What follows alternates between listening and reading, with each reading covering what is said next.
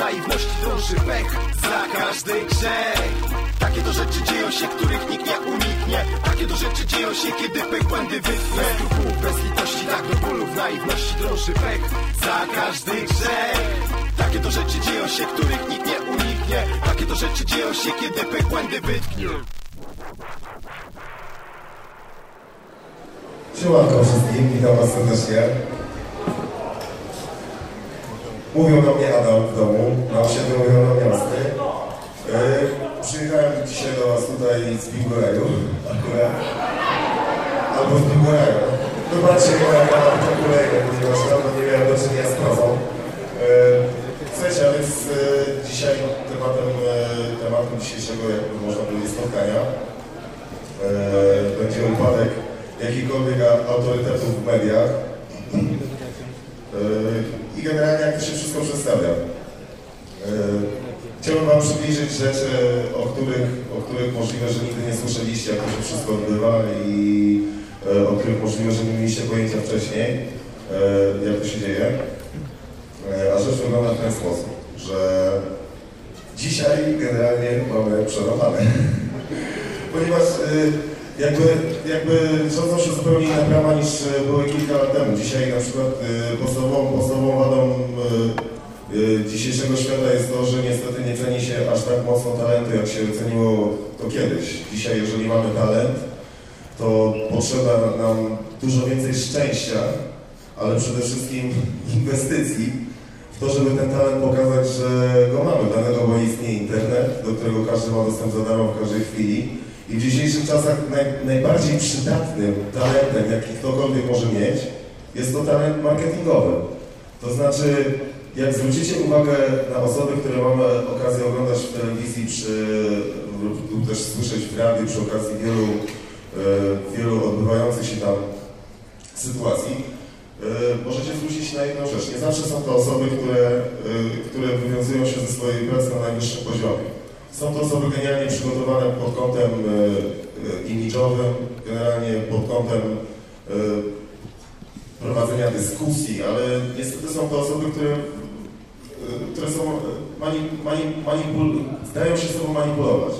To jest tak, że możemy powiedzieć takiej osobie, że ona ma coś zrobić ona musi to zrobić, bo wie, że za tym idą pieniądze, które zostały zainwestowane w tą osobę, żeby ona zajmowała akurat to, a nie inne stanowisko. E, Niestety już się skończyły czasy takie, gdzie mogliśmy e, oglądać fenomen Kazika, Dżemu czy e, Perfektu, gdzie ludzie przychodzili na koncerty, gdzie ludzie uczestniczyli w tej muzyce, naprawdę chcieli słuchać jej przesłanie, gdzie artyści nie musieli mówić dosłownie o co im chodzi, tylko mogli używać metafor, bo ludzie mieli czas i chęć na to, aby, aby przyjrzeć się temu, że te, tej, tej twórczości, przyjrzeć się słownictwu, którego używają, przyjrzeć się temu wszystkiemu, co towarzyszy kulturze, którą tworzą swoimi nagraniami. Dzisiaj praktycznie odbywa się w ten sposób, że selekcja, która, która obejmuje praktycznie twórców muzyki rozrywkowej, czy też jakichkolwiek twórców e, e, popkultury, e, czyli mówimy tutaj o powiedzmy sztuce grafiki komputerowej, czy też komiksu, czy też e, tańca. No zobaczcie, na przykład e, w tym momencie ludzie e, e, odpowiedzialni za marketing nauczyli się tworzyć pieniądze na naiwności przeciętnej, przeciętnej osoby, która ma talent, ale nie ma zmysłu marketingowego. I w ten sposób ludzie się łapią na to, żeby iść do programu Mam Talent, albo żeby e, pokazać się w jakimkolwiek innym programie typu You Can Dance i tak dalej. To nie, to nie jest złe samo w sobie, tylko kwestia polega na tym, że ci ludzie nie zdają sobie sprawy, że tak naprawdę umowy, które oni podpisują, które, które, są, które zobowiązują ich y, do, do wykonywania różnych dziwnych rzeczy po wygraniu programu lub zajęciu jakiegoś dobrego miejsca czy zdobyciu większej popularności. To jest tak, że taka osoba, która wygrywa taki program, jest tak naprawdę ma związane ręce i jest marionetką w rękach powiedzmy dużej firmy, y, która emituje dany program i ułoży na niego pieniądze. Czyli jakby widzicie tutaj uczestniczymy w wielkim maratonie kultu pieniądza. Przykładem, przykładem jeżeli chodzi o kulturę i, y, i znaczenie pieniądza, są Stany Zjednoczone, gdzie praktycznie osoba, która jest mało inteligentna, ale za to ma spory portfel mierzący kilka milionów dolarów, będzie miała szacunek. U nas, dzięki Bogu, jeszcze patrzymy na to, kto ile wie i kto jaką ma inteligencję, a nie na to, co potrafi za co kupić i kto jest do sprzedania, ponieważ prawda jest taka, że jeżeli ktoś decyduje się na to, aby zostać y, muzykiem, artystą, rzeźbiarzem, malarzem, kimkolwiek, musi wiedzieć, że jest to taka praca jak lekarz, czyli y, jest to poświęcenie bez reszty. Jest to oddanie, oddanie się rzeczy bez jakiejkolwiek wątpliwości w to, co robimy. To znaczy, nie możemy myśleć, że jest to w stanie coś kupić, dlatego, bo wybaczcie mi, ale pieniądze każdy może wam zabrać, ale to, co zdobędziecie, wiedzę, którą macie, tego, czego się nauczycie, tego, co kochacie, tego nikt wam nie jest w stanie zabrać, bo to jest wasze serce, to jest wasza dusza, to jest, to, to jest wasz umysł, ale przede wszystkim to jest wasza tożsamość. A tożsamość to jest coś, czego w tym momencie brakuje moim zdaniem głównie w mediach i szeroko rozumianych, czyli począwszy od gazety, idąc przez radio, kończąc na telewizji. Zobaczcie, że programy telewizyjne, jak i wszystko, co się dzieje, jest dostosowane pod kątem skandali. To jest coś, co ma zainteresować przeciętną osobę, która wraca do domu po 8 godzinach pracy i już nie ma siły na nic, tylko na to, żeby wywalić nogi przed telewizorem, włączyć i zobaczyć, że dzieci w beczkach są, że tutaj jakiś małolat 23-letni pobił dziecko swoje, no bo sorry, nie można nazwać dorosłą osobę tą, która bije powiedzmy ledwo co narodzone dziecko. I to są, to są rzeczy, którym jesteśmy karmieni na co dzień. Dlaczego? Dlatego, bo te rzeczy się najlepiej sprzedają. Tego chcą ludzie słuchać.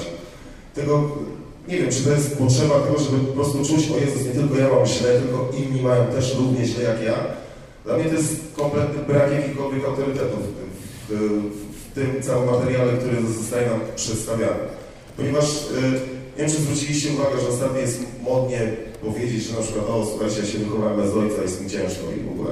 Coś tak naprawdę nie ma znaczenia, ponieważ los wymaga od tego, żebyśmy my byli dobrymi ojcami i żebyście wy były dobrymi matkami.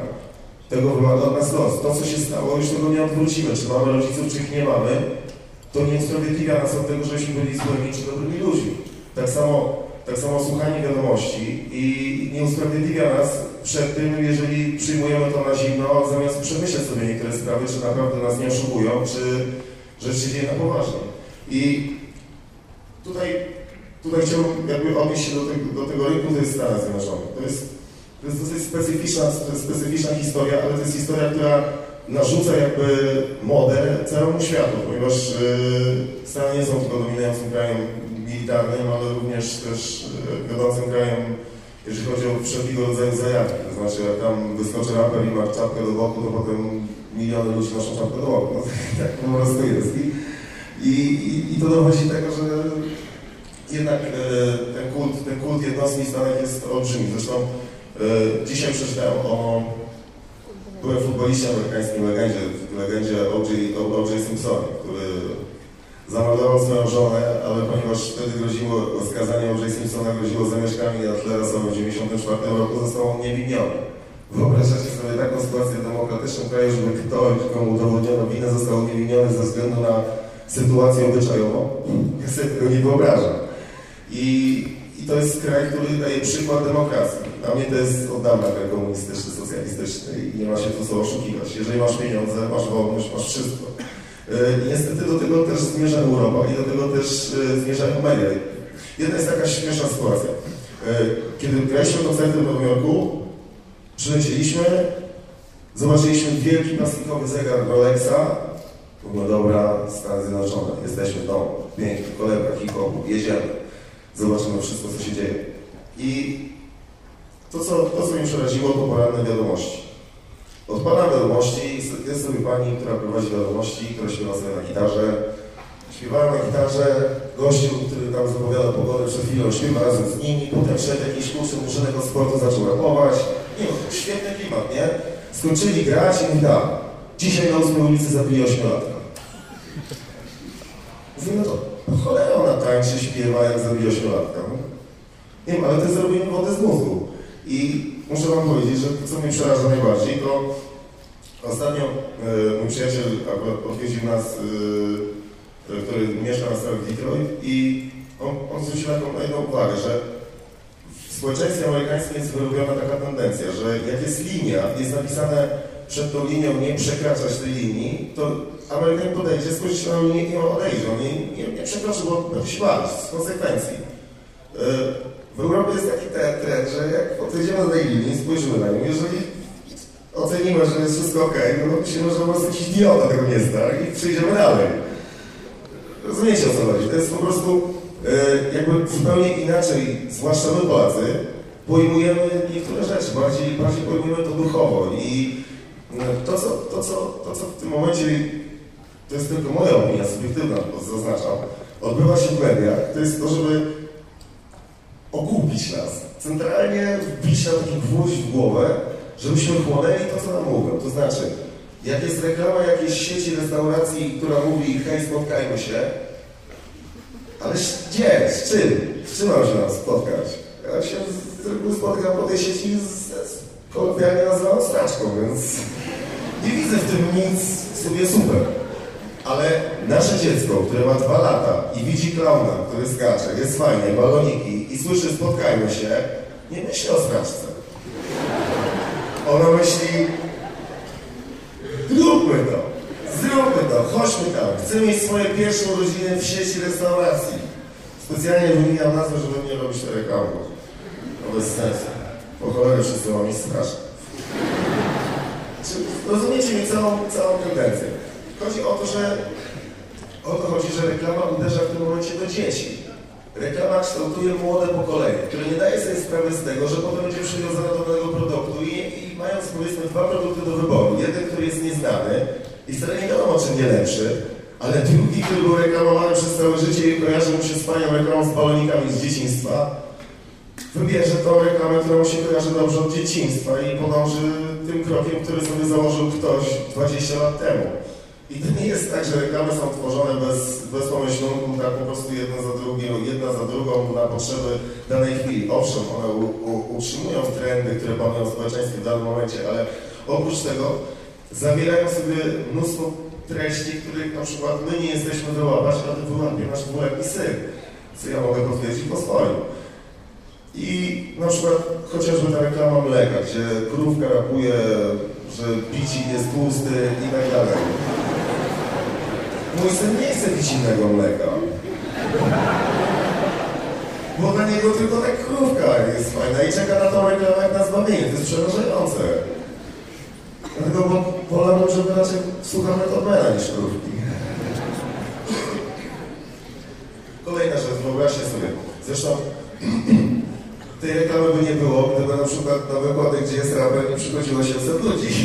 Rozumiecie, to jest też trzeba sobie powiedzieć prawda, że jeżeli jest jakakolwiek po- popularność e, e, jakiegokolwiek trendu w muzyce, ludzie starają się to wykorzystać w reklamie. Oni patrzą, a ponieważ coraz młodsze społeczeństwo do, dotyka jakby wieku 30 lat i coraz młodsze społeczeństwo ma e, młodsze mentalnie, nie mówię tutaj fizycznie, bo fizyczność tak nie ma nic do naszej młodości, bo na tyle ile lat się czujesz, tyle, tyle masz z reguły. E, Ale chodzi tutaj o to, że coraz reklamy są coraz bardziej odważne. Zresztą możecie tutaj zauważyć też ostatnio sławne zakłócenie przedmiotów re, e, relikwii e, przez e, polską fotomodelkę, to, to, co dla mnie generalnie zasłonienie na gości krzyżem jest troszeczkę perwersyjne. E, Biorąc pod uwagę też to, jak to jest zastanawiające, co ludzie są w stanie zrobić dla pieniędzy.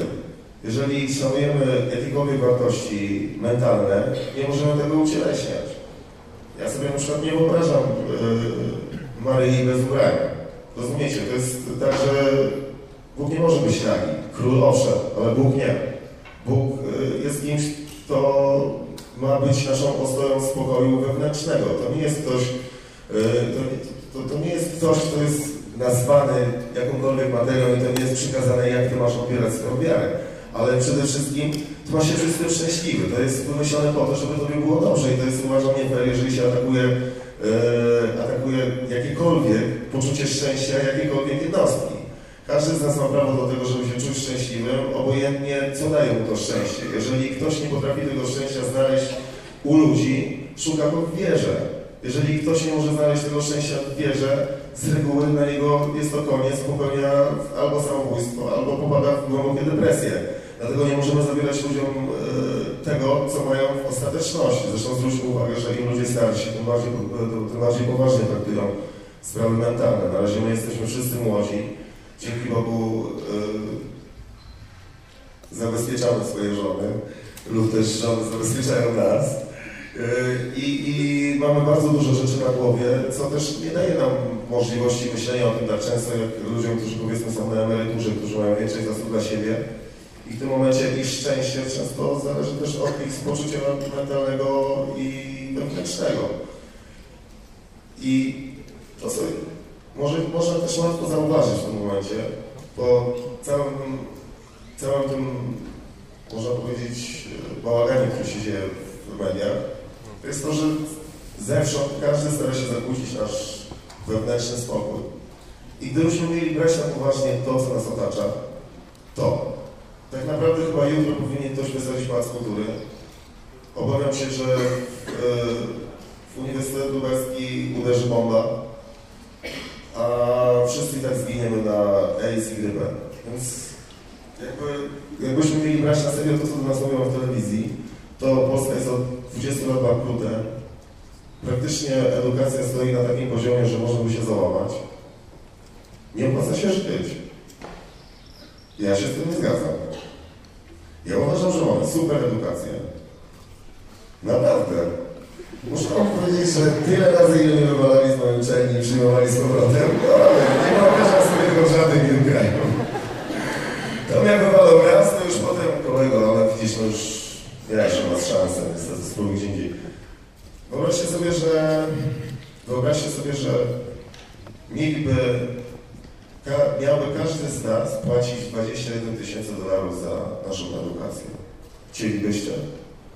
Ja nie chciałbym. Ja chciałbym, żeby moje dziecko miało szansę na stypendium, czyli miało szansę na ten system edukacyjny, który w tym momencie jest w naszym kraju, czyli te osoby, które chcą naprawdę się uczyć, które, są, które chcą rozwijać w ten sposób swoje zdolności, żeby miały szansę odczuć, że warto, że ktoś zabezpiecza ich jedzenie, ich stacje, wynajęcie mieszkania, jeżeli nie, nie studujemy we własnym mieście.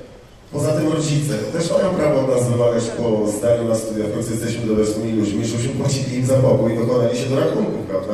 To nie jest nic dziwnego. Ja musiałem mojej mamie płacić od 15 roku życia 5 za pokój, ponieważ mieliśmy taką sytuację materialną. I uważam, że to było najlepsze posunięcie mojej mamy w historii, ponieważ ja bym się nauczył życia, gdyby nie to.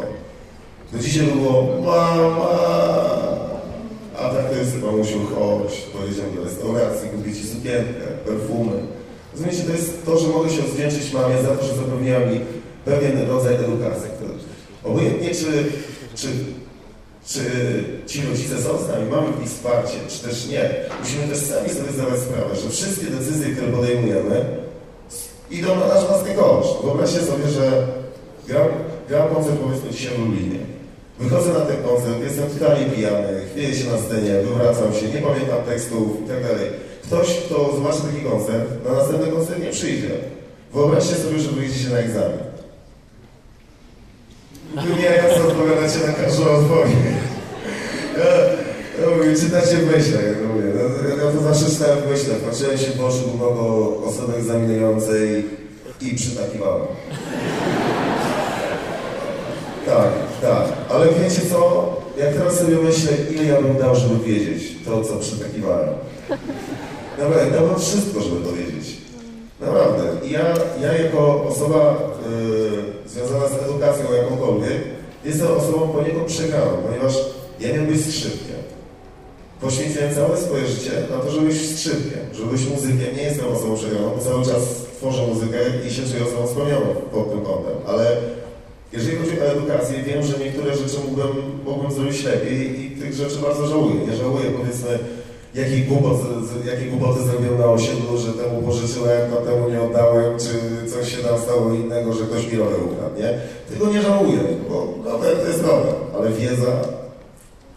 Powiem wam szczerze, mam 30 lat i mój mózg nie chłonie już tak tej wiedzy jak kiedyś. Teraz na przykład przez tydzień się uczyłem tematu tego wykładu powtórzyć tylko, że się nie pomylił na wstępie, żebyś powiedział, że to jest wizerunek. W sumie jeszcze teraz już nie pamiętam, ale... Ale rozumiecie o co chodzi? To jest to, że naprawdę macie najpiękniejszy okres swojego życia na to, żeby chłonąć tą wiedzę. Tu nie chodzi o to, żebyście się zauczali codziennie po 8 godzin, bo to jest bez sensu, bo to nie byłoby czasu i przyjemności na nic. Ale jeżeli macie czas na to, żeby znaleźć chociaż pół godziny dziennie, żeby coś sobie przeczytać, coś się nauczyć, coś zapamiętać, coś, co Was interesuje i coś, co będzie Wam służyło w przyszłym e, życiu, czyli to coś, co wykorzystacie swojej praktycznej pracy, w tym, co zamierzacie robić. To jest też bardzo ważne, żeby wybrać dokładnie to, co chcecie robić w życiu. Dlaczego o tym mówię? Ponieważ jeżeli będziecie wiedzieli, co chcecie robić, będziecie działali na dobro swoje, jak i osób, które Was otaczają, ale przede wszystkim przez to będziecie coraz bardziej mniej uzależnieni od tego, co Wam wmawiają wszędzie w mediach, że musicie się ubezpieczyć na życie, zdobyć taką polisę, inną polisę, tutaj masz ten park 7%, 9%, zrób to, bo będziesz miał nic, skończysz stary bez emerytury i będziesz Z. Nie, możesz nie mieć emerytury, może być stary, ale jak będziesz znać cztery języki obce, nie będziesz Z. Obiecuję Ci to, naprawdę. Przysięgam Wam, gdybym ja znał cztery języki obce, mój Boże, tłumacza przysięgłego. Ale niestety nie znam dwóch i to dobrze nawet, nie znam ani jednego. Polskiego się nie przyznaję. Robię takie błędy ortograficzne, że jak napisałem ostatnio życzenia swojej żonie na urodziny 25, to nie umiałem ich przeczytać. Ale przyznaję się do tego bez bicia. Jestem dyslektykiem, mam na to papiery.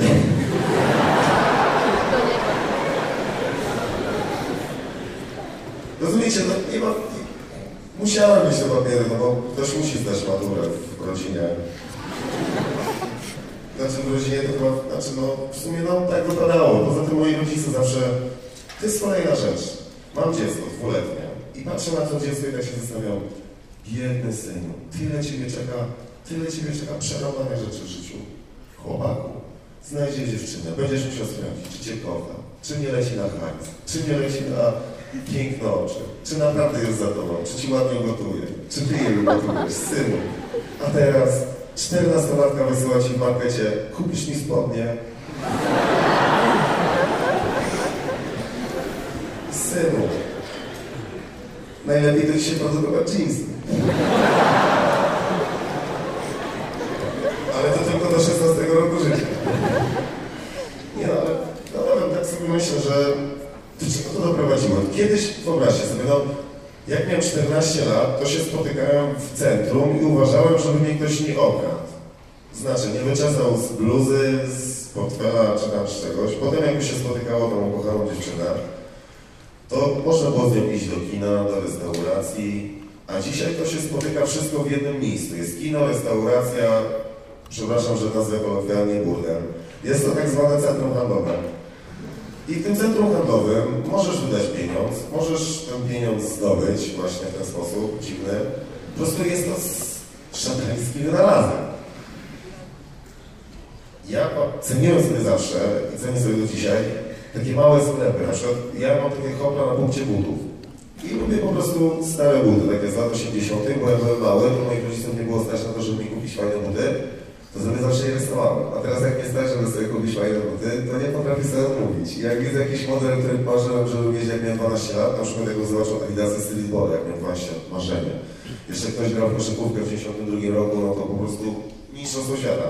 I po prostu jak widzę to, to wiem, że po prostu chcę to kupić. I to jest właśnie to, jak działa reklama. Były piękne reklamy Adidasu Street Ball. Latał namalowany ludzi, który przeskakiwał przez samochody i wyładował piłkę do kosza. I to jest właśnie działanie reklamy. To, jest, to, to sprawiało to, że jako małolat chciałem latać jak Jordan, chciałem latać jak Dennis Rodman, bo on grał w tych Adidasach. I chciałem być jak Dennis Rodman, bo Dennis Rodman był z Madonną. Naprawdę, to było, to było niesamowite. I on miał pseudonim Robak. Wiecie ile robaków było na osiedlu? Naprawdę. I to, to, był, to jest właśnie wpływ. To jest właśnie wpływ na młody umysł. Zresztą jak sobie spojrzycie, spojrzycie wstecz, no to kurczę, no ja nie znam pokolenia z 88 czy tam 89 czy 90 roku, które nie miało rynku Pokemona. Naprawdę, to była taka nakrętka na Pokemona i na Polly Pocket jeszcze. Na Polly Pocket i na My Little Pony. My Little Pony to nawet mój syn ostatnio zapragnął. Jesteśmy w markecie, tam jajka trzeba kupić, o tatuś, tatuś, kucyk, kucyk. Ja mówię, nie, Jasiu, to jest różowy kucyk dla dziewczyny. Zaczął się rzucać po markecie, położył się. Zaczął robić to, co Otelia Jędrzejczak w Sydney. No i niestety ma kuzyka po w domu. Ale dzięki Bogu wyszedłem po 5 minutach z marketu, nie po godzinie. Ale opowiem wam taką ostatnią śmieszną historię, którą, której uległa moja żona. Ponieważ e, syna wozimy w wózku e, na zakupy, ponieważ on bardzo lubi być wożony w wózku i sobie patrzy na wszystkie rzeczy i mówi tylko tatuś, tam. I to jest. Lecimy.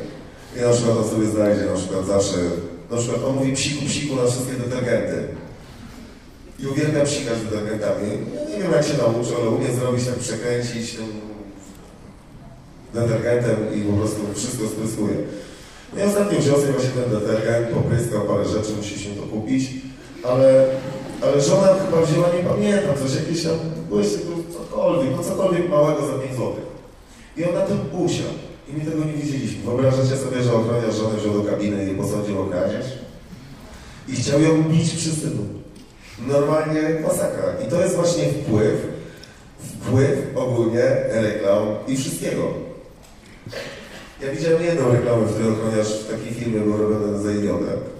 I ja się nie dziwię, że oni mają przerąbaną pracę, ale jeżeli ktoś jest takiej pracy, uważam, że powinien przejść jakiekolwiek testy psychiczne, zanim się tam znajdzie. I nie maltretować biednych mam z małymi dziećmi, które mają jeszcze miejsca na parkingu przed jego supermarketem.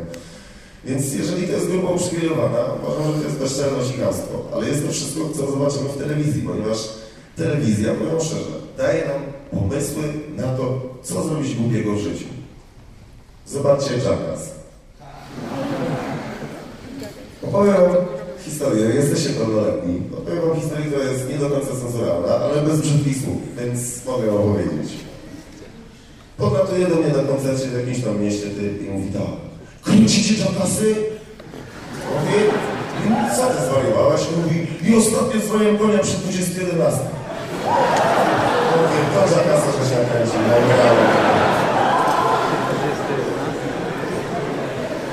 I to jest właśnie, to jest właśnie wpływ, to jest właśnie wpływ, słuchajcie, to jest właśnie wpływ telewizji na umysł. Nie wiem, no dobrze, że prosiadków nie skosztorowano. Bez sensu. Oczywiście mamy tych drugich, jeszcze gorszych od ale wyobraźcie sobie, że ostatnio widziałem taką głupią sytuację, nawet byłem przerażony, motorniczy na urlopie. Zwróćcie uwagę, że bardzo dużo ludzi ma sobie taką zadrę, że jak coś zaimponuje, zrobimy coś głupiego i zaimponujemy to tym innym, mamy się ochotę, żeby to powtórzyć. No i jest taki filmik, obejrzyjcie sam, możecie na internecie obejrzeć, motorniczy na urlopie, polecam bardzo mocno. Są dwie części. Pierwsza i druga. Oddaję to, oddaję to do ogólnego zastanowienia się na tym wszystkim. W każdym razie, w każdym razie, wyobraźcie sobie, że struktura telewizyjna wygląda w ten sposób, że jest 200 osób odpowiedzialnych za małe poszczególne rzeczy. Dlatego jak się spierdzieli coś dużego, nie wiadomo jest za to odpowiedzialny. Ponieważ robiło to 200 rzeczy, po trochu, 200 osób po trochu, żeby zrobić jedną rzecz, która jest w miarę duża i ogarnięta. Braliśmy kiedyś udział w takim programie, który się nazywał Karuzela Kultury. Nie wiem, co co chodziło w tej karuzeli kultury, bo tam drag queen był. Więc jeżeli drag queen ma coś wspólnego z kulturą, to... Znaczy, w sumie wiecie, nasz premier Pawlak mówi, że kultura to są kapele strażackie. Ja rozumiem, że cały szacunek do strażaków, jak będzie pożar, pierwsze co zrobię, to zadzwonię na straż pożarną i będę ich prosił o szybkie ugaszenie. Ale nie uważam, żeby kultura Polski określana była przez w ogóle jest status kultury naszego kraju był określany przez orkiestry strażackie ich ilość. Uważam, że duma nasza to jest właśnie Chopin, konkurs Chopinowski, czy też e, tutaj na przykład mamy świetny konkurs Młody Skrzypków w Lublinie. Nie wiem, czy wiecie, to jest tak zwany ko, ko, młody konkurs imienia Henryka Wyniarskiego. To jest taka, taki przedsionek dzieciaki do 17 roku życia, które osiągają tutaj dobre rezultaty, z reguły potem bardzo świetnie się sprawdzają e, w dalszym życiu twórczym. Niestety jestem tego zaprzeczeniem, ale powiedzieć, że mam bardzo miłe wspomnienia z, ze szkoły muzycznej. Chciałem tutaj pozdrowić Anię Dębicką. Nie pamiętam. E, słuchajcie, nie no, mieliśmy wtedy po 16 lat, więc tak. Ale muszę wam powiedzieć, że macie piękną filharmonię, piękny teatr. Jest naprawdę mnóstwo miejsc, które, które, które możecie odwiedzić w tym mieście i kultura w tym mieście od zawsze kwitła i była na najlepszym poziomie, więc y, moim zdaniem, moim zdaniem ogólnie kultura jest za mało promowana w mediach, dlatego, bo jeżeli odbywa się cokolwiek ciekawego, o tym się nie dowiecie znikąd, jeżeli nie przeczytacie lokalnej gazety, jeżeli nie usłyszycie lokalnego radia, ale jeżeli chodzi o kulturę masową, no wybaczcie, jeżeli to nie jest koncert to w telewizji o tym nie powiedzą. Bo w końcu, jak możemy oczekiwać, żeby Bobby, Bobby McFerrin pokazał stringi? Dziwne. Znacie Bobby'ego McFerrina? No widzicie, tak jest promowana kultura w tym kraju. To jest taki pra ojciec beatboxu, Bobby McFerrin. Jak kiedykolwiek będziecie mogli sobie usłyszeć, to jest niesamowity jazzman i ojciec beatboxu. Oldschoolowiec niesamowity, w tym momencie ma ponad 60 lat. Jest świetny, niesamowity, genialny. Jeden z ulubionych twórców, kompozytorów, wykonawców mojej mamy. I moich też zresztą. Zresztą zobaczcie, jak wygląda muzyka rozrywkowa dzisiaj. Jeżeli masz inwestora, który jest w stanie zainwestować 200 tysięcy w to, żeby był gościu, który codziennie dzwoni do radia, żeby była firma publishingowa, która codziennie promuje Twój utwór, to ten utwór będzie do uznania grany we wszystkich mediach i będzie znany przez każdą osobę w Polsce. Ale jeżeli nie masz tych 200 tysięcy czy 300 tysięcy na promocję, nie masz szans na to w tym momencie, żeby się wybić szeroko rozumianej muzyce popularnej. Czyli jeżeli tworzysz rock, jeżeli tworzysz country, jazz, pop, cokolwiek, jakąkolwiek inną muzykę, począwszy od disco, latino disco, przez disco polo, idąc do ambitnego techno i muzyki poważnej, słuchajcie, nie ma szans bez kasy w tym momencie się wybić. Chyba, że jesteście sami na tyle zaparci, że jesteście sami w stanie poświęcić rok życia na to, żeby codziennie dzwonić, płacić rachunki za telefon i mówić przepraszam, to ja dzwoniłem wczoraj w sprawie tego kawałka, co mieliście puszczać w radiu. Dobrze, mam zadzwonić jutro. Dobrze, dziękuję. I dzwonicie za godzinę gdzie? Dzień dobry, ja dzwoniłem godzinę temu, bo dzwoniłem też wczoraj i mówili Państwo, że zadzwonię jutro, ale ja postanowiłem zadzwonić za godzinę, ja w sprawie tego kawałka zadzwoniłem przed godziną. I tak trzeba do bólu. Do bólu. Chyba, że macie gościa, który zainwestuje 200 tysięcy, zrobi wam reklamę, zapłaci, że poleciał na telewizji, kupcie nową płytę, jest taki film w telewizji, jest taki film w kinie. Zobaczcie, że film popularny, na który chodzimy do kina, to albo albo Polański, bo skandalista. Zresztą słyszeliście, że trafił trzynastkę w to.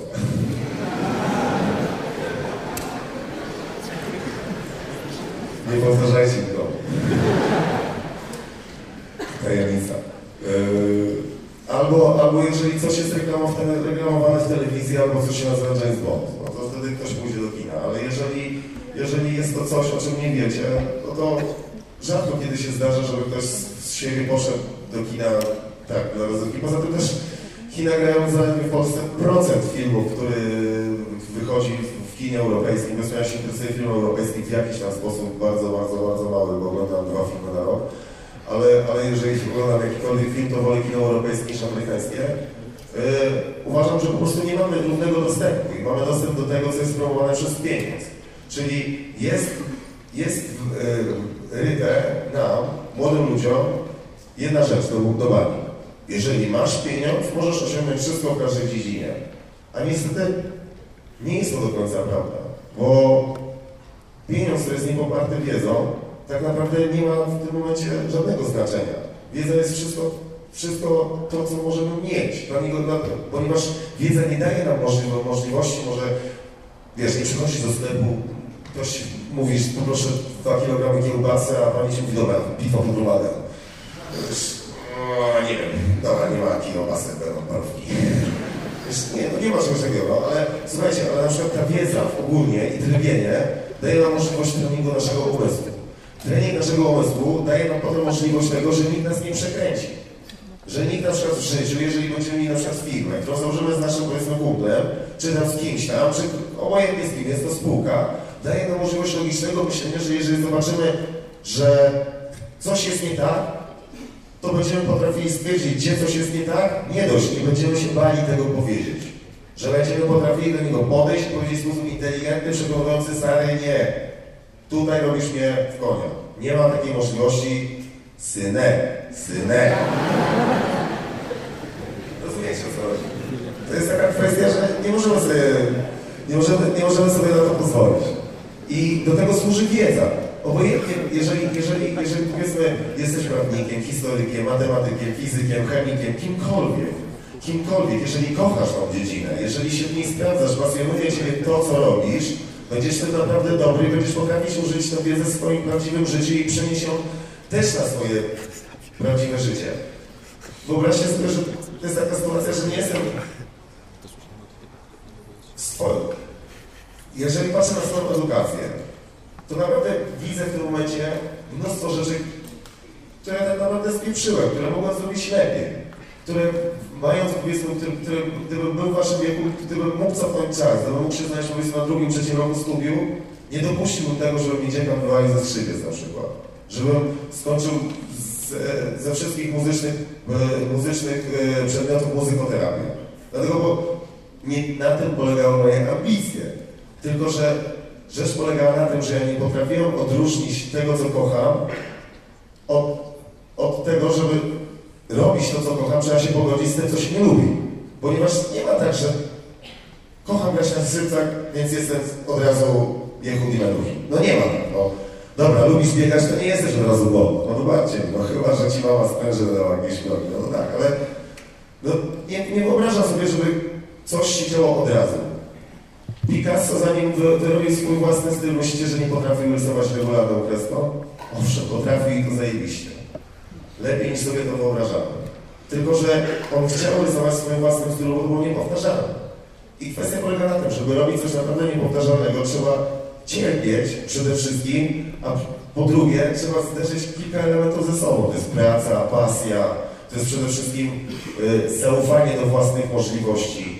Jesteśmy w takim kraju, gdzie dużo osób stara się nas niestety zniechęcić. Jeżeli ktoś widzi, że idzie nam lepiej niż komuś innemu, to z reguły za nie uda ci się, weź to ole, ja ci radzę. Najlepszymi doradcami bądźmy my sami dla siebie. Ponieważ jeżeli my sami będziemy pracowali nad tym, żeby było nam lepiej samym, to w tym momencie nie będzie takiej sytuacji, żeby, żeby ktoś mógł namącić nam naszej wiedzy, bo będziemy jej pewni.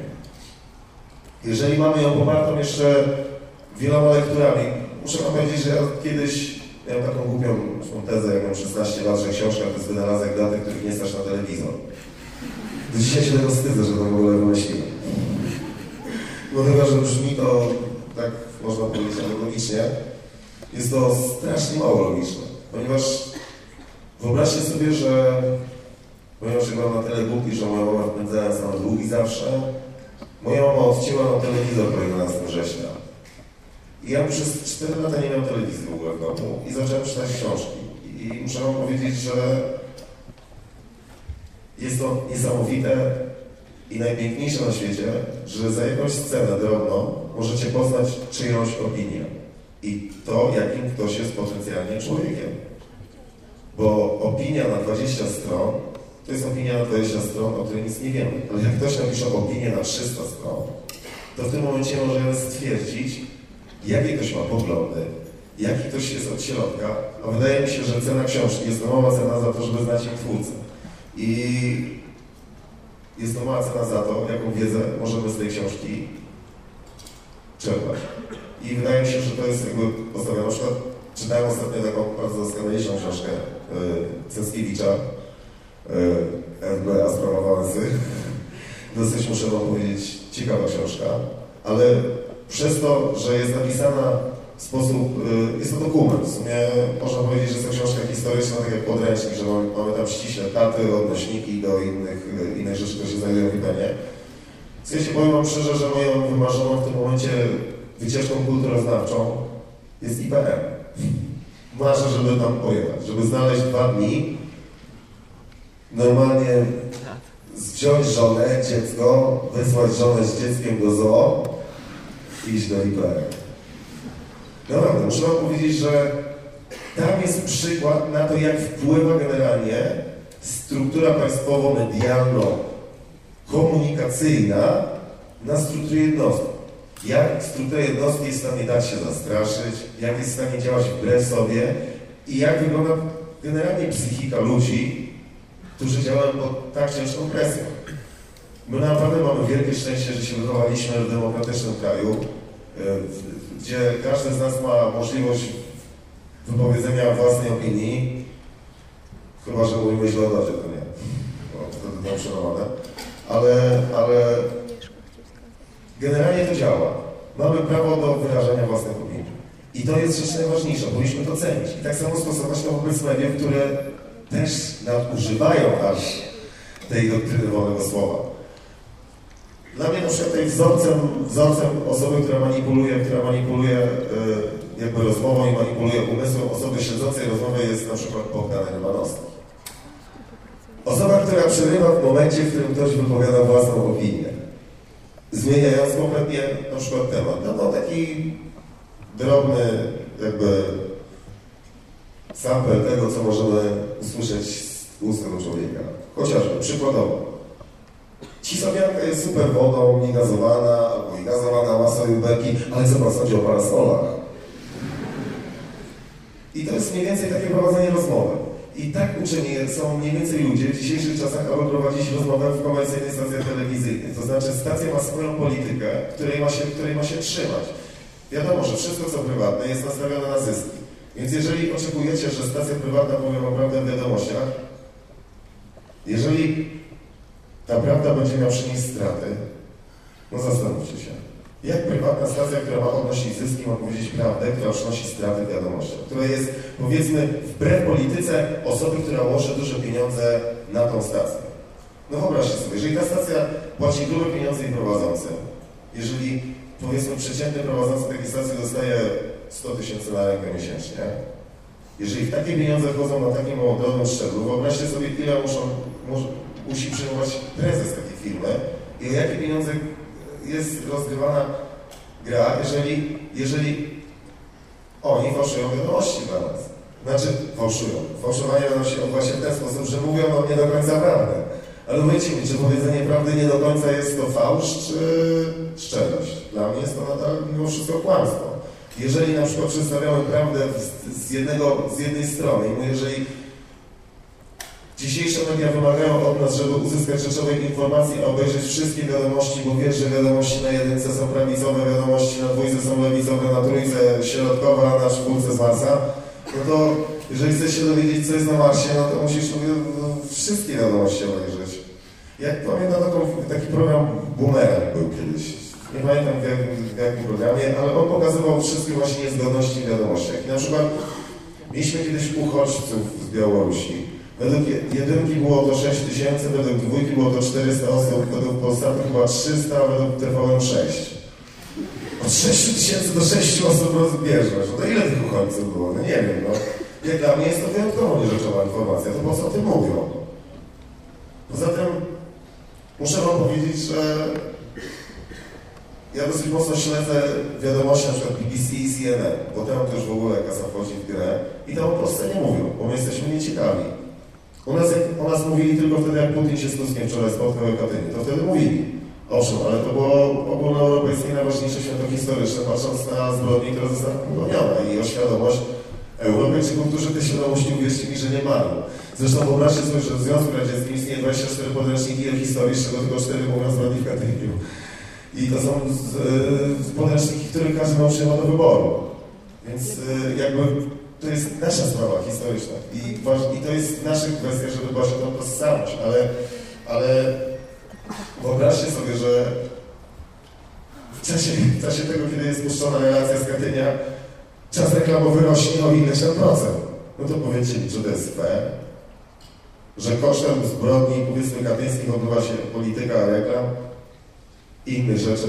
To jest wszystko, to jest wszystko wobec mnie, znaczy moim zdaniem, wszystko się kręci bez pieniądza.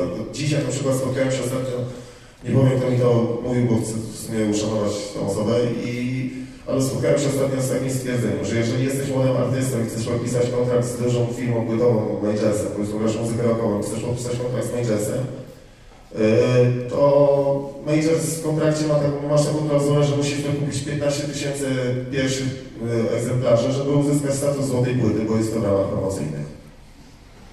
To znaczy, jeżeli chcesz wydać płytę, musisz mieć 70 tysięcy złotych na to, żeby wykupić 15 tysięcy swoich płyt, żeby móc powiedzieć, że mam złotą płytę? Hipokryzja.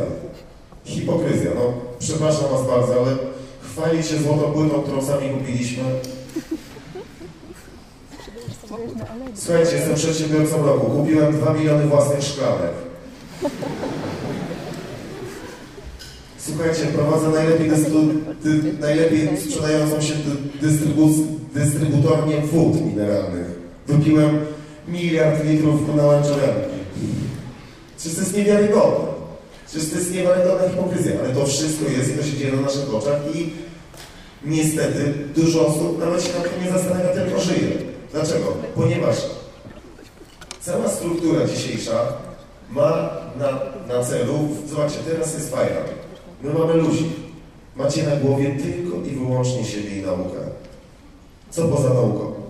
Dziewczyny, romans, dyskoteki, kluby, alkohol, papierosy, pomidory. Pizza Hut. Nie chodźcie tam. Eee, wszystkie. I używajcie prezerwatyw. Przepraszam. Po prostu są tańsze od balonów, jak się kupuje całą rodzinę. Ale nie, naprawdę mówię wam szczerze, zobaczcie, jest tyle rzeczy, na które macie czas. Będziecie mieć 30 lat, 5 na przykład. Bo ja jeszcze mam czas. 35 lat będziecie mieli i będzie tak. Staniecie rano, to nie z własnego życzenia. Będziecie mieli kaca po nocy. Obudzi was dziecko rano, mówi tak, tatuś, śpisz? Nie. Biggie, biggie, biggie, can't you see? Tak jest, naprawdę muszę wam powiedzieć. Jest to najśliczniejsze na świecie. Ale, ale naprawdę cieszcie się tą chwilą, ale przede wszystkim rozkminiajcie, rozkminiajcie, bo to jest najpiękniejszy moment na to, żeby rozkminiać. Ja dzisiaj nie mam czasu rozkminić. Ja mam czas na to, żeby... Adam! Co kochanie? Jasik się zesrał. Już idę. Adam! Co kochanie? Rzuć do pieca. Już idę. Adam! Co kochanie? Pojedziesz do Piotra Pawła? Do Zbyszka i Romana pojadę. No, ale tak jest życie, powiem szczerze. I potem zapierdzielamy jak mamy samochodzik i nie mamy się za, czasu zastanowić, tylko myślisz sobie Kalgonit, kojarz, twoja bramka, chcę tego dobrze. I idziesz i myślisz, Piotr Paweł, dobra, Kalgonit. No tak jest, nie? Idziesz wieczorem i mówisz Messi. Cztery bramki strzeli. A gdyby Messi założył korki Adidasa, następnego dnia 200 kurde milionów dzieci wyszłoby w korkach Adidasa na ulicę. Tak jest. A gdyby nałożył Pumę, to 200 tysięcy milionów dzieci wyszłoby w korkach Pumy. I co z tego, że te korki zostały zrobione przez małe chińskie rączki? Kogoś to obchodzi? Nie. Bo w telewizji jest fajna reklama z Messi. Ale o to chodzi, żebyście nie myśleli, że jest łańcuch. Zobaczcie, dlaczego How It's Made na Discovery nie jest kręcone w Chinach? Dlaczego? Pytam się. Why? Bo nie jest, no. I nie będzie. Ale kiedyś i tam też dojdzie prawo. I ktoś w końcu przestanie być hipokrytą. Zobaczcie, czy dziecko, które, ale zobaczcie tą zależność, czy dziecko, które jest zniewolone przez reklamę nie jest tak samo pokrzywdzone jak dziecko, które jest zniewolone przez system? Nie wydaje wam się, że dziecko, które sięga podświadomie po produkty, które sugeruje im system od dzieciństwa, nie jest tak samo zniewolone przez ten system, który narzuca mu pracę i pozbawia dzieciństwa? Jest pozbawione tak samo, bo ona jest nauczone tego, że masz żreć McDonaldzie, że masz korzystać z tego wszystkiego gówna, które powoduje to, że jest na starość otyłe i jest nieszczęśliwe, bo nie może znaleźć miłości, nie może znaleźć wszystkiego, nie jest szczęśliwe, same z sobą, siebie nie aprobuje. I tak się kończy łańcuszek pięknego wciskania głupot przez reklamę. Chcesz być piękniejszy? Użyj kremu. Używaj go codziennie. Nie użyj go przez tydzień. Będziesz miała taką suchą skórę, że ci się odparzy tyłek. Naprawdę. nie wierzycie mi? Spróbujcie dziewczyny nie smarować się przez tydzień balsamami. Obiecuję wam, że wam popęka skóra, zwłaszcza na ustach. Nie pęka codziennie. A mnie żona smarowała jak spałem, cholera, kurde, Nivea mi na usta, żeby mi nie pękały po rapowaniu. I co? I teraz pękają jeszcze bardziej. Reklama działa na podświadomość, że one działa. I miękka jak Nivea. No ale tak jest, no. Trzeba wiedzieć, że to jest zadowalające. Na przykład, słuchajcie. Always szczoteczką dry Pampers nie puszcza kupy bokiem. Słuchajcie, sprawdziłem. Mój syn jak siada, tak? Bokiem mu nie idzie, ale na plecy mu wywali się wszystko.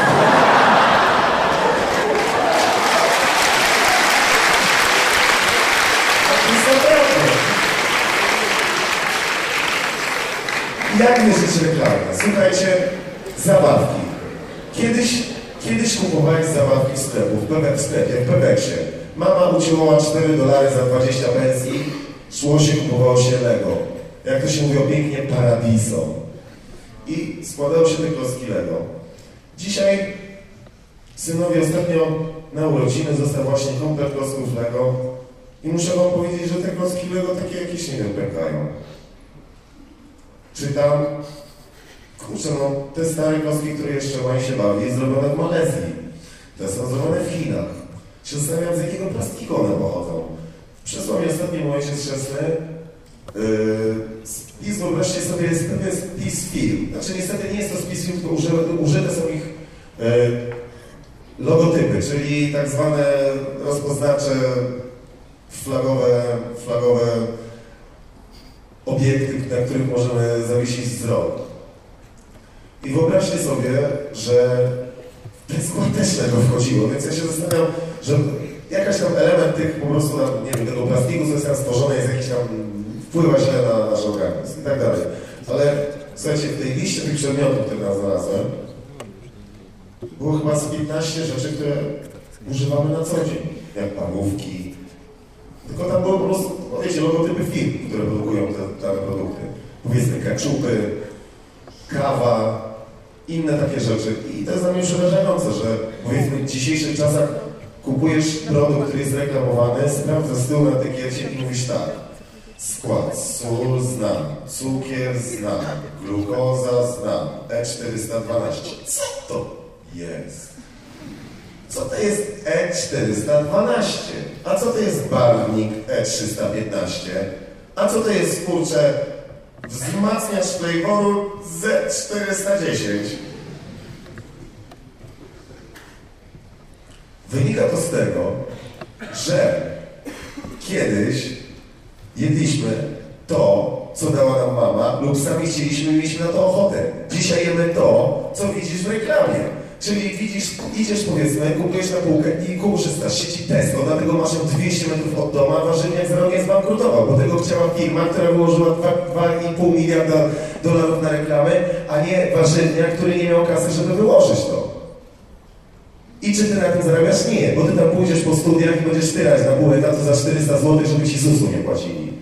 I po to to, co mówię. Ale kolego, masz czas, bo jesteś młody, żeby to sobie przemyśleć. Ale tego cecha mógłbyś sobie na początku. W każdym razie, mówię wam szczerze, że są to rzeczy, na które na przykład jestem podatny bardzo. I na przykład z, z, pierwszą, pierwszą rzeczą, którą, staram się, którą ja na przykład staram się wychować swoje dziecko, z którą staram się z myślą, którą staram się wychować swoje dziecko, jest to, żeby ono nie patrzyło na marki, które jest wciskane, że to jest lepsze, czy to jest gorsze i tak dalej. Ja chcę, żeby ono zwróciło uwagę na to, co jest dobre dla niego, na, to, na co chce zwrócić uwagę, żeby miało szansę odnaleźć własne ja w dzisiejszym świecie, żeby nie było za, za, zajawione czymś, co tak naprawdę dla niego nie ma, yy, nie ma sensu, rozumiecie? Jest to kwestia polega na tym, że jeżeli jesteśmy dorośli, jeżeli mamy przed sobą jakąkolwiek wizję swojego życia, to niech ta wizja będzie czysta, nie będzie skażona tym, co nam zarzuca pokolenie cyber, pokolenie, które jest uzależnione od telewizji, uzależnione od produktów. Wyobrażacie sobie na przykład życie, w którym, mogliście, nie, w którym nie mogliście kupić sneakersa. Tak było za komuny. Nie można było kupić sneakersa, nie było kupić 20 proszków do prania, tylko było jedno palto, rzucało się całe społeczeństwo na to palto i ono było. Chodzi o to, razie zauważamy produkt, patrzymy na osobę, na inną osobę i widzimy, że o Jezus, ona ma kurtkę taką, takiej firmy, buty takiej firmy, takiej firmy, takiej firmy, takiej firmy. On musi być fajny gościu. Ja uważam, że to jest złe myślenie, ponieważ dopóki z nim nie pogadamy, póki się nie dowiemy, co ma w głowie, póki nie dowiemy się, co mu leży na sercu, nie będziemy, nie będziemy w stanie powiedzieć, co on sobą reprezentuje. Dzisiaj patrzymy na to, kto reprezentuje sobą fizycznie i finansowo. Widzimy gościa, który jedzie, powiedzmy, mam taką sytuację, jedzie gościu Trabantem, jedzie przed tym gościu Mercedesem. Spojrzymy się na Mercedesa, spojrzymy się na Trabanta, wyjdzie dwóch, przyjemnie będzie się nam się gadało pewnie z tym, co będzie fajnie wyglądać, ale skąd wiemy, że ten inteligentniejszy nie będzie ten, co jedzie Trabantem, tylko akurat ma taki kaprys, że jeździ Trabantem na przykład. Łona jeździ Trabantem i jest zajebistym ziołem, mega inteligentny, dużo mądrzejszym ode mnie. Muszę wam powiedzieć szczerze, że Generalnie podejście, ludzie powinni znać swoją wartość, powinni sami siebie aprobować, powinni sami być ze sobą szczęśliwi. Żeby być ze sobą szczęśliwym, trzeba przede wszystkim robić to, co się kocha. Żeby nie było takiej sytuacji, że przychodzisz do pracy i mówisz, o Jezu, znowu mnie nas zmuszali, żebym robił to, co nie lubię, że pisał jakieś faktury albo inne rzeczy. I to wszystko, co ja dzisiaj wam mówię, ma przede wszystkim na celu, żebyś, żebyście zdali sobie sprawę z tego, że najważniejszą rzeczą, którą robicie w życiu, to jest bycie sobą.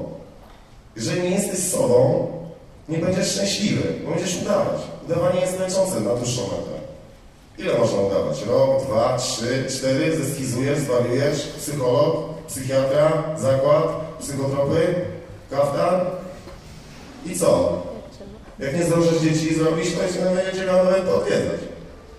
Naprawdę, powiem wam szczerze, że naprawdę łatwo jest zeskizować przy tym wszystkim, co się dzieje wokół nas. Tym bardziej, że większość produktów, które są reklamowane wszędzie, na dłuższą metę okazuje się, że nie zdają egzaminu.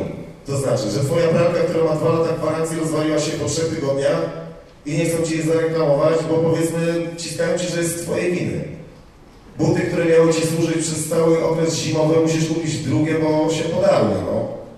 Jeansy, które miały być super, się po jednym praniu straciły kolor. T-shirt, który kosztował 2,5 stówy, nagle zrobił się popielaty, bo zafarbował skarpetę, które były białe i miały granatowy napis. I tak jest, no, i tak jest. I ciągle naciskam tą tandetę. Kwestia polega na tym, że my, jako młodzi ludzie, mamy jeszcze czas, szansę, talent, żeby realizować się w tych dziedzinach, w których mamy szansę być naprawdę dobrzy i nie robić tego syfu i nie wmawiać potem ludziom i nie szukać sponsorów, żeby wmawiać ludziom tandetę. Rozumiecie o co chodzi? O to chodzi, żeby przede wszystkim, jeżeli powiedzmy jesteście, studiujecie cokolwiek, jakikolwiek kierunek, nie jesteście pewni, nie podoba wam się to, nie będziecie tego robili za 5 lat, będziecie robili zupełnie co innego. Nie róbcie tego teraz. Zmieńcie kierunek. Idź, róbcie coś, gdzie będziecie przychodzili z pełną przyjemnością i robili to, co naprawdę was jara. Bo ja wam powiem szczerze, że ja bym nigdy nie, nie, nie udało mi się nagrać 11, gdybym nie kochał tego, co robię. Ponieważ dla mnie każdy dzień, ja nie, to nie jest tak, że ja w swoim życiu mam czas na muzykę. Ja w swojej muzyce nie mam czasu na życie. To jest tak, że naprawdę kocham to, co robię. Chcę się tym dzielić, chcę o tym mówić. Zresztą, powiem wam szczerze, ja nie czuję się na tyle intelektualnie mocny, żeby prowadzić wykłady o, o, o rzeczach, które są związane z, z naukami ścisłymi, z naukami, yy, z naukami, które mają jakiekolwiek podłoże wiedzy elementarnej. Ja mogę Wam powiedzieć tylko to, co wiem, czyli wiem, że pasja, którą jesteś w stanie poprzez ciężką pracą, jesteś zdesperowany, żeby codziennie poświęcić swojej pasji 8-10 godzin, nie ma takiej możliwości, żebyś po 10, 5, 10 latach był w tym czymś mistrzem. No nie ma takiej możliwości. Ale to tylko ty przed samym sobą musisz wiedzieć, że spędziłeś 8 godzin czy 10 godzin tym danym przedmiotem. Rozumiecie? Obojętnie, czy to jest hydraulika, szambonurstwo, czy kurczę, nie wiem, jesteś artystą. Bo to nie ma znaczenia. Jeżeli prawnik nie poświęci, jeżeli prawnik chce być naprawdę dobrym prawnikiem, powinien być na bieżąco cały czas i uczyć się cały czas. Uczymy się do końca życia. Musimy być, słuchajcie, to jest tak, że robiąc hip-hop, to jest, się wydaje, lekka, przyjemna, miła praca. Ale słuchajcie, ja muszę wytrzymać koncert 3 godziny. Jeżeli gram 10, 10, 10 dni, 8 koncertów, z każde 3 godziny, jeszcze w międzyczasie robię 400 km pomiędzy, pomiędzy każdym koncertem, to naprawdę wiem, że muszę być w kondycji takiej, żeby przebiec 10 km, żeby móc zagrać na koncerty, bo jeżeli ja bym na którymś stracił przytomność, to co by sobie ludzie pomyśleli? Że co, co on robi? No, porywa się bidulek z motyką na słońce. Nie, nie, ma sensu, rozumiecie? To jest, to jest, wszystko musi być poparte solidną pracą. Jeżeli powiedzmy wydaje płytę i na niej jest 33 numery, jak na ostatniej, to ja, żeby wydać, żeby nagrać 33 numery, ja muszę nagrać około 100, żeby wyszły te najlepsze numery, 33 najlepsze numery, żeby nie oszczędzać się, żeby nie, nie dawać minimum z siebie, tylko zawsze dawać maksimum. Jeżeli mamy coś, powiedzmy, jeżeli tak Ciebie jara Pro Evolution, że dajesz maksimum z siebie, to jedź do Japonii i zawodowym graczem. Ale musisz wiedzieć, że zawodowy, że zawodowy też uprawia inne sporty, biega i trenuje i dba o swoją kondycję, bo też jest to ciężka praca. Po prostu wszystko ma, każda przyjemność, każda nasza pasja, którą chcemy przekuć w nasz zawód, musimy być tego świadomi, że będzie naszą ciężką pracą. I musimy sobie zdawać sprawę, że nie jest to nasz wspomniany zapał i nie jest to nasza zajawka przez rok, przez dwa lata, tylko musimy odbyć ze sobą porządną rozmowę, czy naprawdę chcemy to coś robić. Jeżeli jesteśmy zdecydowani, to bądźmy zdesperowani aż. To bądźmy skłonni zrobić ku temu wszystko, co się mieści tylko w, w kanonach naszej moralności. Żebyśmy nie przekraczali, nie, prze, nie, mówię tutaj o tym, żebyśmy się sprzedawali, bo to jest najgorsze, co możemy zrobić, ale żebyśmy robili coś, dla pasji, a nie żebyśmy oczekiwali, że pasja da coś nam. Ponieważ jest taka zasada, że najpierw trzeba włożyć całe serce po to, żeby uzyskać to całe serce z powrotem. I wierzcie mi, że to w ten sposób działa. To jest jak karma. Jeżeli dasz się wszystko, jeżeli jesteś naprawdę w tym dobry, jeżeli poświęciłeś temu wszystko, nawet jeżeli umrzesz, twoje pokolenia będą dumne, że to robisz, bo kiedyś się ktoś o tym dowie. Uwierzcie mi, że większość twórców muzyki klasycznej była nieznana za życia. Mozart który był przez pewien okres czasu yy, królewskim kompozytorem, gdzie tworzył za naprawdę dobre pieniądze, mógł się cieszyć, cieszyć tą nadworną sławą, umarł w wielkim ubóstwie, teraz możemy sobie jasno powiedzieć na syfilis. Więc jakby nie dość, że nadużywał z jakby nadużywał wszystkiego, wszystkich, wszystkich dóbr życia tamtej epoki, skończyło się to dla niego fatalnie. I w tamtych czasach w ogóle nie był, nie był doceniany jako kompozytor, umarł jako osoba praktycznie wyklęta. Tak samo można powiedzieć o Schumannie, o Schubercie, o Beethovenie. Są, nie wiem, czy sobie zdaje się sprawę, że śpiewamy dzisiaj hymn Unii Europejskiej, który był stworzony przez człowieka, który umarł jako praktycznie nieznany kompozytor. On był niedoceniany, niedoceniany przez cały życie. Był pochowany w wspólnym grobie, gdzie tak naprawdę nikogo nie obchodziło, to jest ciało. Wyobraźcie sobie, że dzisiaj są to największe, największe ostoje kultury europejskiej i światowej. Jeżeli, jeżeli nawiedzieliby nas kosmici, pierwsze co byśmy pokazywali, to jest muzyka klasyczna i to, co udało nam się osiągnąć przez te wszystkie lata. Od chorału gregoriańskiego y, wieku X do dzisiaj, idąc przez wszystkie epoki baroku, klasycyzmu, romantyzmu i muzyki współczesnej. Jeżeli przyjrzymy się temu, co się działo w muzyce rozrywkowej 40 lat temu, w latach 60. i 70., zobaczycie jedną taką rzecz, że w tamtych czasach szanse mieli naprawdę najlepsi. Że ci, co mieli talent, nie było autotunów, nie było innych wynalazków, które potrafiły zapanować nad naszym dźwiękiem. Wszystko to, co się działo, wszystko, co się, to, co się działo na nagraniach, było nagrywane z reguły albo na setkę, albo, albo przybliżonym e, sposobem. I, I był bardzo duży nacisk na umiejętności. Zwróćcie uwagę, jaka bogata muzyka, jaką, jaką bogatą można nazwać muzy muzykę lat 70. w porównaniu do tego, jaka płytka jest muzyka dzisiejsza. I daje to bardzo dużo do myślenia, ponieważ dzisiaj bardziej się stawia na charyzmę, na zachowanie danej osoby, na jej kontrowersyjność, na skandaliczność, niż na jakość wychowania, wy, wy, wykonania. Chyba, że jest to Amy Winehouse, bo to jest akurat ewenement na skalę światową, jeżeli chodzi o popkulturę, ponieważ jest to kobieta, która ma dyniany głos i temu nie, nie można zaprzeczyć. Po prostu jest to osoba, która ma naturalny talent. Ale jest to, są to dzisiaj wyjątki, ale zwróćcie uwagę, szanse przez cały czas mieli tylko najlepsi. Tylko najlepsi. W każdym zawodzie, jeżeli chcecie się sprawdzić, szanse będą mieli tylko najlepsi. I dlatego warto jest poświęcać czas sobie i nie patrzeć na autorytet w mediach, ponieważ tego autorytetu w mediach nie znajdziecie.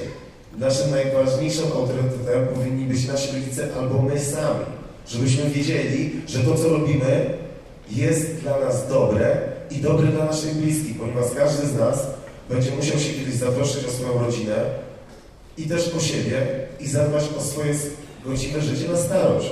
Nie chodzi tu o godziwe życie finansowe, chociaż takiego również Wam życzę, ale przede wszystkim o godziwe życie intelektualne, żebyśmy przede wszystkim znali swoje miejsce na ziemi, wiedzieli po co żyjemy, wiedzieli kim jesteśmy i mieli duży szacunek do siebie. Ja muszę Wam powiedzieć, że mam kolegów wielu. Część z nich, jak była młoda, nie szanowała siebie. To znaczy dawała się namawiać na wszelkie głupoty. Yy, to znaczy typu, no nie wiem, no, dam ci stówę, poliżesz gówno. O, no nie, no wiecie, takie po prostu najgorsze rzeczy. Jak ktoś miał 14, tam 13 lat, nie? Po prostu debile, nie? Debile. Na przykład, no, no nie wiem, no, wypij 2 litry wódki, dam ci stówę, wypijesz 2 litry wódki, bo kupić 2 litry wódki, mówisz, zjesz 2 litry wódki, nie? I się na przykład, nie wiem, 10 typa składało, żeby potem gościa uwalić i żeby gościu robił głupie rzeczy, na przykład na ulicy, nie? No przykład takie głupie szczeniackie zabawy. Na przykład powiem wam szczerze, do dzisiaj te osoby mają problem z tym, żeby je szanować. Po prostu nikt ich nie szanuje. One wtedy nie miały już do siebie szacunku i nie nauczyły się tego szacunku przez całe życie. A nigdy nie jest za późno, żeby nauczyć się szacunku do siebie, żeby powiedzieć nie. Ja nie chcę tych dwóch litrów, nie chcę, żebyś robił ze mnie debila. Bo każdy ma prawo do tego, żeby dbać o swój szacunek, o, o swoje własne ja. I ta tożsamość jest najważniejsza. W sensie to jest naprawdę bardzo istotne, co ja wam mówię. To, jest, to, jest, to, to może się wam dzisiaj wydawać dosyć małostkowe, ale, ale jeżeli zobaczycie w, późniejszym, w późniejszej fazie, już po studiach, kiedy będziecie musieli ogarnąć siebie sami, zobaczycie jak dużo ciemnoty na każdym kroku ludzie wam wciskają, ponieważ każdy dba o własny tyłek.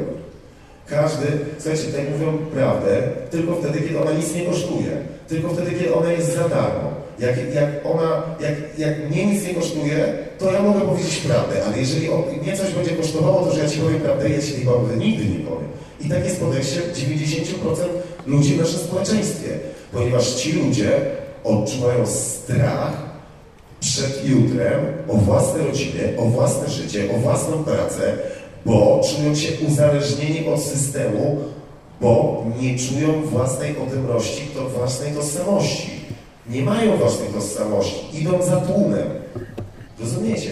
I to jest, i to jest cała, cała, cała filozofia tego, żebyście sobie zdawali sprawę, że do tego służą media, żeby kierować społeczeństwo. Dlatego potem takie media mają chody u polityków, bo wiedzą, że jak ten polityk zainwestuje w nich taką i taką kasę, to oni będą głosili takie i takie poglądy i za nimi pójdzie tyle i tyle tego ludzi, taka i taka część tego właśnie słabszego społeczeństwa. Niestety, słuchajcie, naprawdę łatwiej jest być słabym, i, zdat, i podatny na wpływy niż mocnym i trzyma swojego zdania, ponieważ własne zdanie nieletko trzeba wykrzyczeć, postawić jasno i uformułować przeciwko, przeciwko innemu zdaniu, logicznie, z określoną tezą, co kosztuje nas nieletkość poważny wysiłek. Jeżeli, jeżeli, jeżeli mamy iść na łatwiznę w tym momencie, większość osób woli iść na łatwiznę, ale wierzcie mi, jeżeli raz pójdziecie na łatwiznę, będziecie iść cały czas. To jest taka cały czas wojna z sobą, ale wierzcie mi, że w pewnym momencie ta praca się kończy. Ta praca na cało się kończy. I mamy powiedzmy 25-27 lat i nagle okazuje się, że jesteśmy dorosłymi, w pełni odpowiedzialnymi za siebie i za wszystko, co się dzieje wokół nas, ludźmi, których nie jest w stanie nic zaskoczyć. Bo jeżeli stracimy pracę, wiemy, że mamy na tyle oleju w głowie, że sobie poradzimy zawsze w każdej okoliczności. Jak nie tu, to gdzie indziej. Rozumiecie? To jest, to jest rzecz, która, która jest podstawą naszej egzystencji, nasze ja, nasz, jako my, jako jednostka. I w tym momencie wyobraźcie sobie, ja wychodzę z tego założenia, naprawdę, ja bym oddał w tym momencie wszystko, żebyście znali tylko moją wyłącznie muzykę, ale nie znali mnie jako twarz, jako, jako osobę. Ponieważ tak naprawdę ta muzyka nie czyni ze mnie żadnej lepszej jednostki. Ja nie jestem lepszym, lepszą osobą, lepszym człowiekiem, dlatego że robię dobrą muzykę. To nie ma z tym związku. Ray Charles robił genialną muzykę, ale był największym motherfuckerem, jakiego słyszałem w życiu. No. Po prostu szacunku do własnej rodziny nie miał w ogóle. Z dziećmi może spędził 3 godziny w życiu. Żon to miał tyle, że jeżeli mówił, że on patrzy na nadgarstek, tylko czy chudy, czy gruby, jak był chudy, to szef, jak gruby, to nie. No to dla mnie to jest, powiem szczerze, naprawdę wielki szacunek jako ta muzyka, ale jako człowieka uważam, że nie tego oczekuje się od wybitnej jednostki. Powiedzmy, jeżeli ktoś uważa się za winną, jest uważany za winną, ma jeszcze sobie to brzemię, żeby dawać przykład jakikolwiek inną osobom, ale to nie muzyka czyni nas lepszym, tylko to jest, muzyka nas zobowiązuje do pracy nad samym sobą. Tak samo, jeżeli jesteście świetnymi prawnikami, kimkolwiek jakość wykonywanej przez Was czynności, obojętnie co to jest, nie czyni Was lepszym człowiekiem, ale zobowiązuje Was, żebyście poziom swojego człowieczeństwa równali do poziomu wykonywanej przez Was pracy. Czyli jeżeli jesteście świetnymi prawnikami, wybaczcie mi, jest to praca taka, która zobowiązuje do tego, aby myśleć o swojej moralności. Ponieważ prawnik na co dzień ma dawać przykład, jak to jest żyć zgodnie z prawem. Teoretycznie. Ale, ale to nie jest też powiedziane, że nie ma też miejsca tutaj na grzechy, ponieważ jeżeli już taki prawnik grzeszy, niech robi to tak, żeby nikt tego nie widział lub nikt nie mógł go posądzić o to, że nie daje dobrego przykładu. Ale jeżeli powiedzmy ktoś prowadzi agencję towarzyską w Europie Środkowo-Wschodniej, powiedzmy w Hamburgu, to niech zapewni najlepszy socjal swoim kobietom, jaki tylko może. Ponieważ na tym polega jego praca. Nie wkłada to całe serce. Niech nie dopuszcza się porwań. Niech nie dopuszcza się ogłupów, tylko niech nie zapewnia socjal. To jest kwestia szacunku do każdej jednostki do każdego człowieka, bo każdy człowiek, obojętnie czy jest kobietą prostych obyczajów, czy też mężczyzną zwanym prosto żigolo, czy też jest prawnikiem, czy też historykiem, czy też ma prawo domagać się szacunku, jeżeli szanuje sam siebie. Fakt faktem, niektóre zawody czasami zaprzeczają do szacunku samego, do samego siebie, szacunkowi do samego, szacunku do samego siebie, ale przede wszystkim musimy zdawać sobie sprawę, że danym środowisku, w jakim my się obracamy i nam zależy na szacunku, danej osobie może zależeć tylko i wyłącznie na szacunku w danym środowisku. I to nie znaczy, że ona się nie szanuje wobec innego środowiska. Tylko to już jest kwestia kulturowa, obyczajowa i społecznościowa. Jeżeli powiedzmy mamy fana roka i podchodzi do niego fan hip-hop mówi, a ty jesteś taki, bo masz długie włosy, to moim zdaniem jest to przede wszystkim brak poszanowania dla kogoś tylko i wyłącznie dlatego, bo ktoś tak, a nie inaczej wygląda i słucha takiej, a nie takiej muzyki. Słuchajcie, ja się spotykam od lat z tym, że jak mówię, że jestem hip-hopowcem, ludzie patrzą na mnie niepoważny.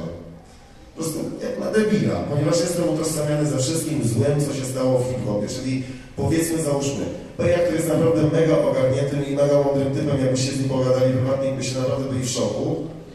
Powiedzmy, zrobił powiedzmy jakąś rzecz, do której ma prawo i nikt nie jest mu tego prawa odmówić.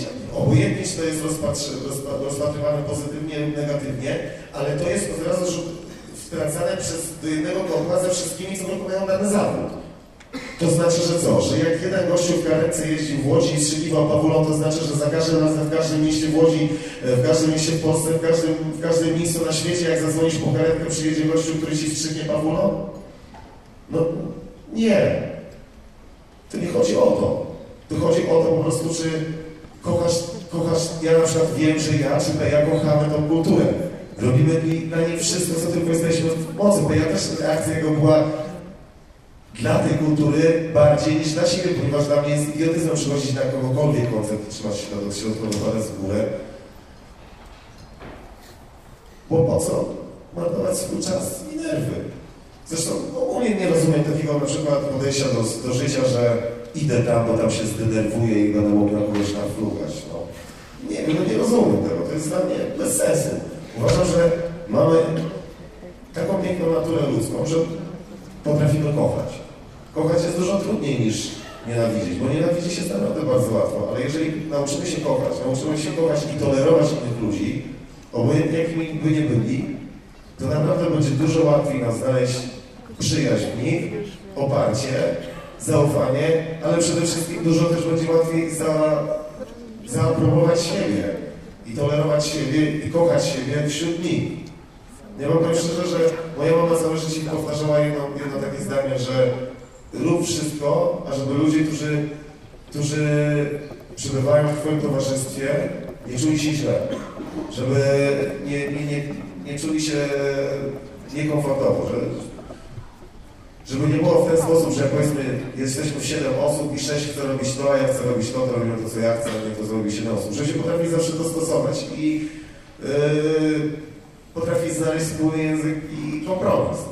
I wydaje mi się, że to jest istotne, a, a media i przede wszystkim brak autorytetu, który, który jest załamujący w ostatnim czas, czasie, powoduje to, że jesteśmy rzuceni sami sobie fali błyskotek, na które nie ma gdzie tak naprawdę zarobić, ale jest mnóstwo miejsc, gdzie jest tak naprawdę możliwość wydania tego pieniądza. Podstawowym jeszcze problemem, który większość, większość, większość, większość ludzi nie zauważa, mi się wydaje, że to jest klucz do zagadki, jest to, że u nas każdy patrzy też na edukację, na papier. Ja uważam, że papier Was powinien nie interesować. Owszem, kończycie studia i tak dalej, ale ważniejsze jest to, co wynosicie z uczelni, niż to, co tam ma papier. Ponieważ w większości krajów Unii Europejskiej, a w Stanach to już nie znam miejsca w Stanach Zjednoczonych, na to się nie patrzy, jest, ludzie się pytają o słowo, które się pięknie po angielsku nazywa experience. Beautiful. Forfita.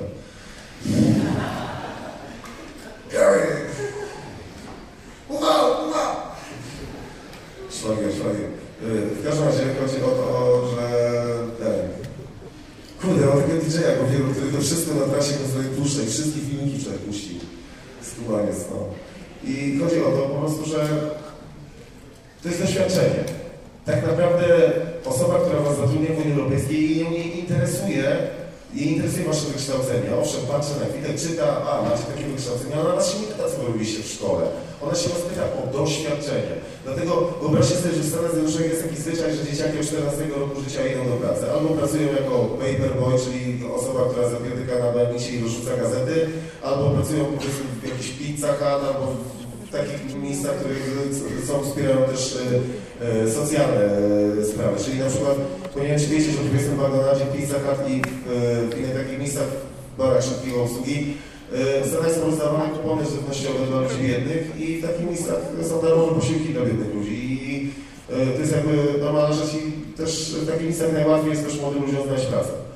I jakby te dzieciaki nabywają doświadczenie. Gdyby dzieciak po studiach po koledżu w wieku 24 lat w Stanach poszedł do pracy i powiedział, że jego doświadczenie jest takie, że właśnie koledż skończył, prawdopodobnie miałby duży problem ze znalezieniem pracy, ponieważ wszyscy jego rówieśnicy prawdopodobnie otarli się o jakiekolwiek, e, o jakiekolwiek zajęcia, o, począwszy od niańki do dziecka, e, kończywszy właśnie na rozrzucaniu gazet, e, chociażby będąc portierem na uniwersytecie w, w Steli do koszykówki. No nie no cokolwiek. To jest to, że tam po prostu te dzieciaki są uczone, że y, one pracują na własne doświadczenie i wszystko, i dzięki temu, że mając 14 lat idą do roboty, uczone są też odpowiedzialności.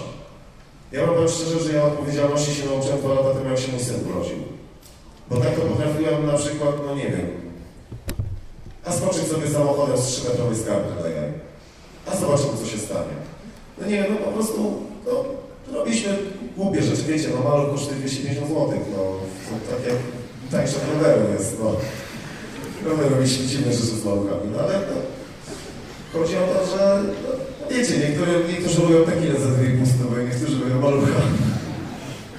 Ja na powiem wam szczerze, że miałem kolegę na szrocie, który miał wystatą szrot w Antoniewie i dostawaliśmy parę razy malucha na rozbicie, no to robiliśmy różne głupie rzeczy. No na przykład, no nie wiem, że raz na przykład nas ścigało chyba z 12 taksówkarzy, no to nie wiem, no są przy, przychodzą różne kłopoty, ale to...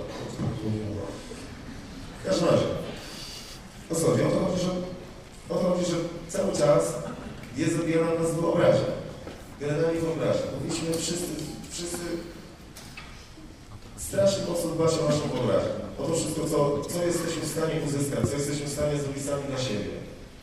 Yy, bo to nam daje możliwość brania odpowiedzialności za, za to wszystko. Na przykład ja jestem totalnym absolwentem. W wieku 19 lat miałem taką sytuację, że wyskoczyłem się do nas piętra i mnie kolega za kostki złapał. I dzięki Bogu, że był na tyle silny, że mnie utrzymał, nie? bo wpadłem na 16 do balkonu. Znaczy generalnie wygląda to tego, się hipnąłem, on mnie złapał i ten balkon był na tyle krótki, że się hajnąłem no, po prostu na okno kobiety, która mieszkała niżej, nie?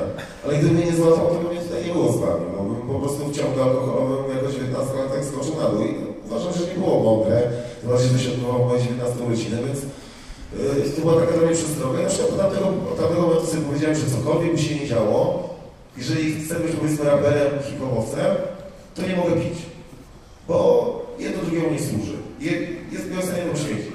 Kolejna rzecz. To było dziwne, bo całe życie uciekałem ze szkoły, żeby robić to, co mnie utrzymuje dzisiaj. Ale gdybym nie uciekał ze szkoły, nie poświęcał na to powiedzmy po 10 godzin, nie siedział w Radiu Łódź, yy, studio, czy innych studiach nagraniowych, nie patrzył jak to się robi, yy, ten, yy, nie, zwracał, nie zwracał uwagi na najmniejsze szczegóły, nie uczył się tego sprzętu od początku, nie, nie, nie miałbym szansy posiad posiadania tej wiedzy, no bo nie ma w Polsce Akademii Hip-Hopu, gdzie jedziesz i ci tłumaczą jak nagrywać hip-hop. Niestety no, nie ma czegoś takiego. Ja mogę się z wami podzielić, jeżeli tylko chcecie, macie ochotę, mogę wam zadać parę kruczków, ale to dalej jest coś, co nie jest nazwane jakoś merytorycznie, tylko jest to drążenie kanałów jak krew. No, po prostu nie ma co tutaj się oszukiwać, że nie ma żadnego podręcznika do hip-hopu. Jeżeli chodzi o Stany Zjednoczone, mamy tam nawet kierunek dupa kolorzy w Los Angeles. Ciekawe, co się potem, gdzie się potem pracuje. Słuchaj, jak pracuję w Instytucie Dupaka, wiesz. Trenuję przyjmowanie strzałów na klasę z wiadomości. Chcesz powiedzieć Ci wszystko, kaliber 42, szybko magazyn szybkostrzelny, M17. Naprawdę, powiem szczerze, że to jest niesamowite, ile stronach jest kierunków. Naprawdę, gdybyście chcieli studiować przykręcanie gwintu do śrubki, to też by było, naprawdę. Znalazłem się na pewno na George'a, tak mi się wydaje, że pewno jest gwintowany śrubek kierunek. Ale to jest na przykład niesamowite, że to daje na przykład nam możliwość, akurat jest plus strasznie Stanów Zjednoczonych, że tam jest możliwość realizowania swoich wszystkich zamierzeń praktycznie. Że to, co na przykład u nas było, mnie strasznie denerwowało szkolnictwie, to jest to, że choć porozmawiamy o tym teoretycznie, teoretycznie to, jak zmieszamy z tym, to się dzieje to, a teoretycznie jak zrobić to, to się dzieje to. Tam koleżka ci mówi na wykładzie, a potem tą wiedzę teoretyczną ma zastosować. I tak jest zrobione symulacje giełdy, symulacje tego, symulacje tego, swego i tak dalej. Chodzi o to, że daje to możliwość rozwinięcia i daje nam możliwość też nabycia pewności siebie. No, jak dobrze ci to wychodziło na studiach w praktyce, no to dobrze ci to musi wychodzić w życiu, w praktyce tym bardziej. I to jest rzecz, na którą też trzeba bardzo mocno uczulić. Nie patrzcie na to, jak wyglądają ludzie w telewizji, jak, jak, jak co oni mówią, jaki hit wam wciskają, bo to są wytwory marketingu, jak i troszeczkę naszej wyobraźni. Jak mamy na przykład sobie jakąkolwiek gwiazdę z telewizji, taką, załóżmy mamy to nie, no celebrytę, to my zakładamy jego bajkowość w życiu. Od razu zakładamy, że jego życie jest takie, jakie widzimy od czasu do czasu powiedzmy w jakimś popularnym magazynie telewizji albo w radiu. I to jest rzecz bardzo zgubna, dlatego, bo ja muszę wam powiedzieć, że ci ludzie często są dużo większymi debilami niż przeciętny koleżka z sklepu z. Muszę wam powiedzieć, że ci ludzie z reguły nie mają w ogóle szacunku do nas, z reguły nie mają szacunku do tego w tym miejscu, w którym się znaleźli, z reguły nie biorą odpowiedzialności za to. I to jest najsmutniejsze. Ja muszę wam powiedzieć, że jak gdybym mógł, i zresztą mogę i to robię, nie, nie jeżdżę nigdzie, nie chodzę nigdzie, bo mi się nie chce.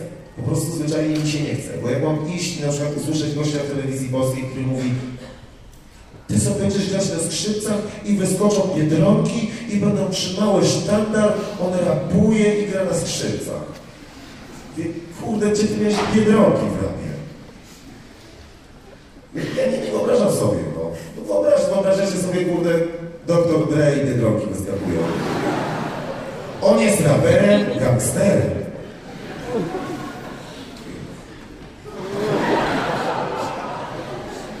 Ja sobie tego nie wyobrażam. Dobra, muszę wam powiedzieć, że sobie nie wyobrażam. Ale niestety tak jest.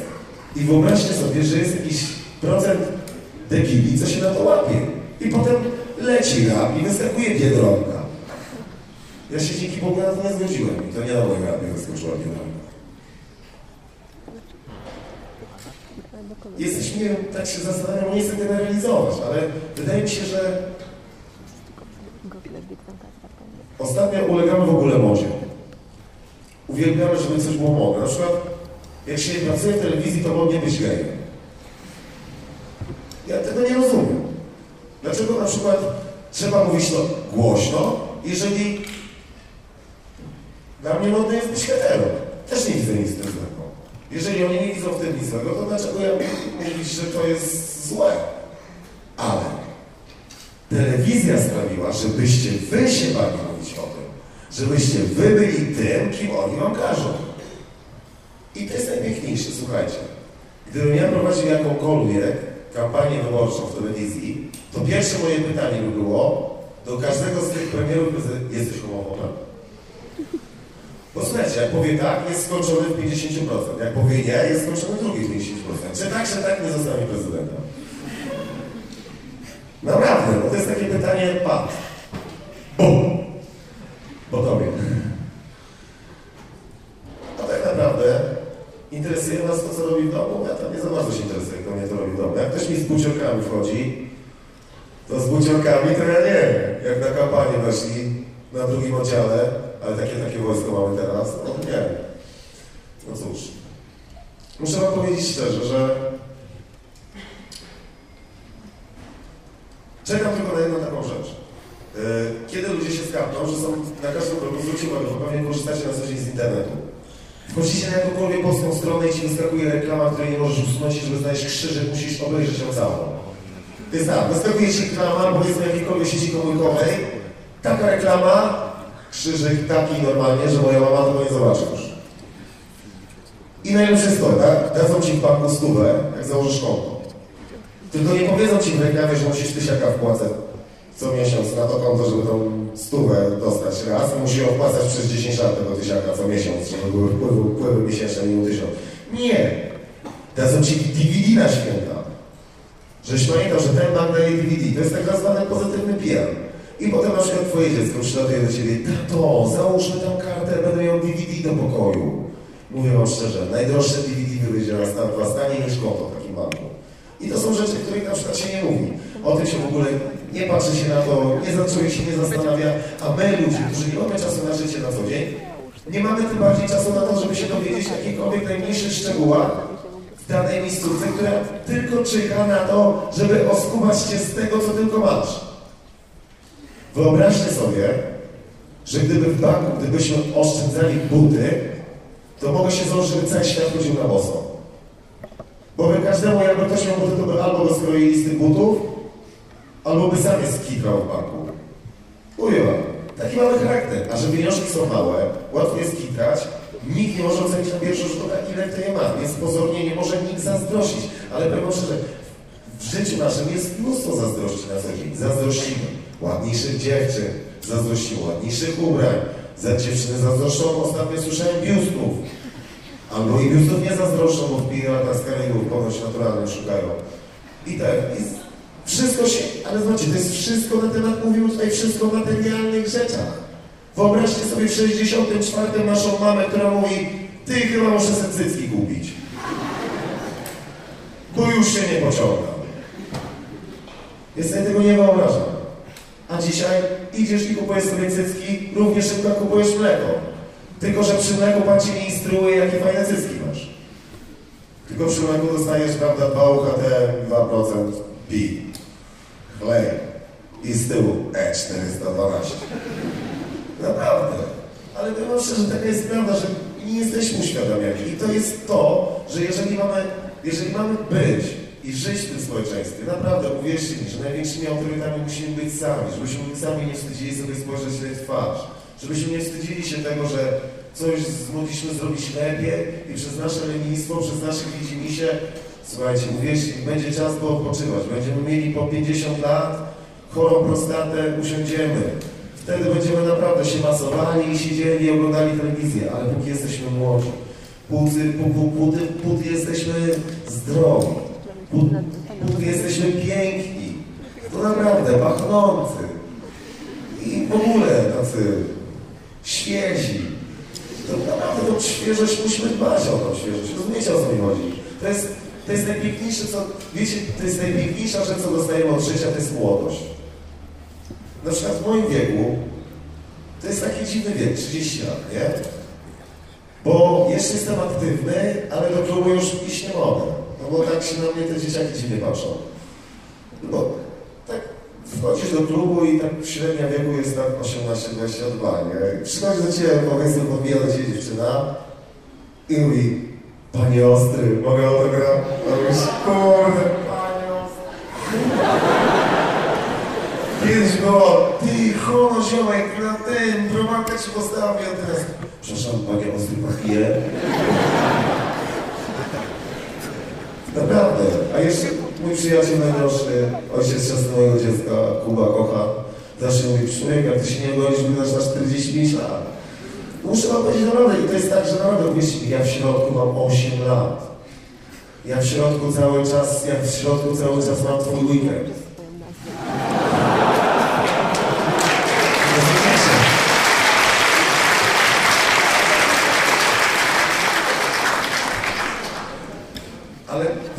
Ze szczęścia i do tego szczęścia nie, nie są mi potrzebne pieniądze, rozumiecie?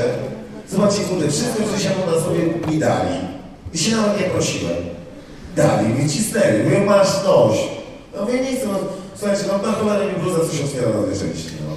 No, no, no, no, no. Ostatnio miałem fazę, musiałem ją założyć i zgubiłem ją. Ale ja powiem szczerze, ja, gdybym mógł cofnąć czas, gdybym mógł cofnąć czas, gdybym miał 18 lat, to bym był koszykarzem. Naprawdę, bym dbał o zdrowie i tak dalej. Ale przede wszystkim bałbym o to, żeby nie dać się wciągnąć i uwierzyć w tą głupotę, którą wciskają wszędzie.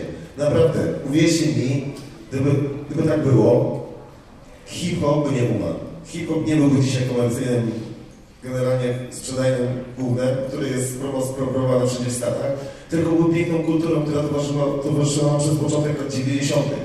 MC dzisiaj nie, nie zwracali uwagi na to, ile mają łańcuchów na sobie, tylko zwracali uwagę na treść, na to, jakie mają e, problemy, a wierzcie mi, że problemów oni mają mnóstwo, między innymi w tym momencie też nie są bo bezrobocie na całym świecie. Praktycznie dotyka wszystkich, zwłaszcza, zwłaszcza tutaj yy, Tutaj na przykład mam tego właśnie przyjaciela z Detroit, który opowiada mi takie niesamowite rzeczy. Wyobraźcie sobie, że w Detroit około 10 lat temu mieszkało 2 miliony ludzi, teraz mieszka tam 700 tysięcy i przyjeżdżasz przez puste osiedla. To jest masakra, to, są, to jest porzucone wielkie miasto.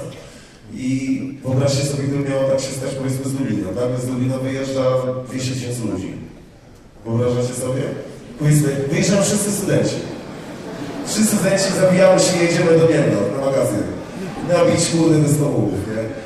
I tak, wyobraźcie sobie, że to była masakra jakaś, nie? Po prostu opuszczony Lublin. Byście mogli iść na dziedzinę z kulu i... i by się nie. A tak to... A tak to muszę wam powiedzieć szczerze, że musicie dziękować za to, że możecie, będziecie uczestniczyć w tym pięknym zjawisku, jakim jest bycie studentem.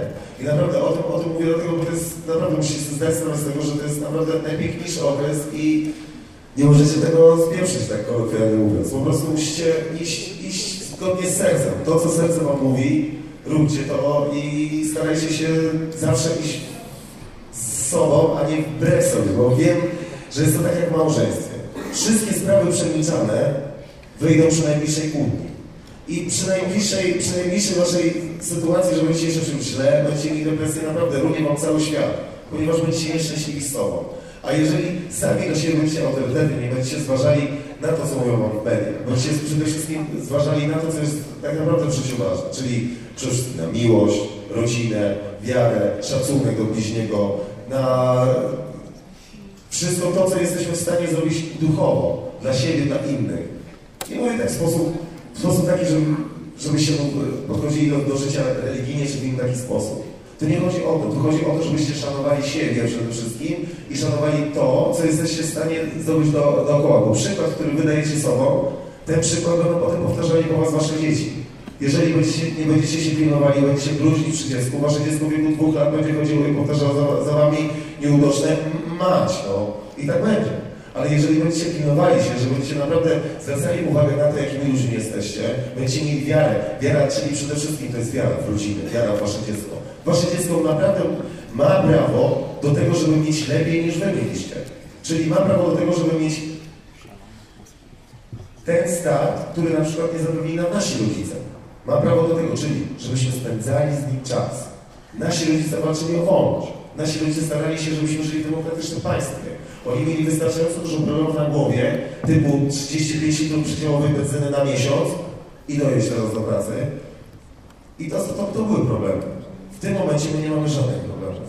My mamy w tym momencie czas, czas, jeszcze raz czas na to, żeby zająć się, zająć się naszymi dziećmi, żeby nasze następne pokolenia nie były okupione i otumanione tym, co się dzieje w telewizji.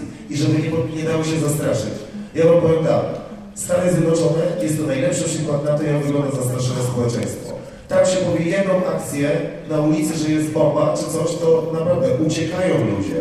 Uciekają ludzie. Jak truszki. Ja wiem, że u nas nie, nie, nie było takich historii jak w Stanach, ale takie historie wsparte odpowiednią kampanią, podkręcania tętna, podkręcania ataków i tak dalej, zasłaniają logiczne myślenie. Tak samo, każde, każde, e, każda nagonka, każdy, jakikolwiek e, e, podkręcanie atmosfery związane z czymkolwiek, z jakimkolwiek produktem, czy koncertem Madonna. Zobaczcie, przez to, że koncert Madonna odbywał się w kontrowersyjnej dacie, on miał trzy razy lepszą reklamę niż, niż pozostałe koncerty wielkich grup, które odbywały się w zeszłym roku. Tak samo zobaczcie, kampania prezydencka i polityka PO, czyli zrobienie prawyborów, zobaczcie, jest to coś nowego, w show, media się rzuciły, mają dużo lepszą reklamę w telewizji niż powiedzmy inne partie. Ja na przykład, nie wiem czy wiecie, jest partia kobiet, na którą ja głosuję od już lat i na przykład ja nie wiem dlaczego ich przedstawicieli w ogóle nie w telewizji. Przedstawiciele, przepraszam, są bardzo ładne i ja uważam, że ja wolałbym zamiast powiedzmy, nie wiem, Krzywej Ładny Tuska zobaczyć ładną twarz przedstawicielki partii kobiet na przykład. A już jeżeli mam oglądać Tuska, to już wolę tą muchę. Ale, ale słuchajcie, no, co, co pamiętacie z debaty? Bo ja tylko te nogi. Ja nic nie pamiętam z tej debaty, poza tym, że popełnika parę fopa, no ale rozumiecie, to jest właśnie nastawianie, nastawianie, jakby coś się nie udało, to zawsze dobre wrażenie pozostawi pani mucha jakby nie patrzeć. I to jest, to, są, to, jest, to wszystko się nie dzieje przypadkiem. To nie jest tak, to nie wyobrażam sobie, że prawda, na mnie pani Marzena Dorota Wróbel prowadziła tą... Nie wyobrażam sobie. I to jest jakby, to wszystko ma swoje, swoje ręce i. Jeżeli, jeżeli sobie wyobrażacie, że na przykład ktoś nie, może na, jakieś, na jakiekolwiek inne ustawy, jeżeli mamy takie działania przy ustawie hazardowej, to jesteście w błędzie. Bo tak naprawdę, jeżeli wasz kolega by został ministrem i byście mogli uzyskać cokolwiek dzięki temu, powiedzmy, powiedzmy, ty też jak w czarnej tapce był ministrem, ja do niego od razu uderzał, że nam da jakąś sypką hajs za kulturę, no. Łódź się stara być międzynarodowym miastem kultury. Dawaj, jedziemy. No, lubi też. Jeszcze e, Bydgoszcz. Bydgoszcz i Toruń. Nie, ale Bydgoszcz chyba też i Toruń. Toruń na pewno, ale właśnie nie wiem, bo Bydgoszczy graliśmy tydzień temu i coś mi się obiło, że Bydgoszcz też się starał się miastem. Ale w każdym razie, powiem szczerze, że do Torunia jak się wjeżdża jest naprawdę piękna ta Wisła z, zameczkiem, naprawdę piękny, piękny, piękny, stare miasto.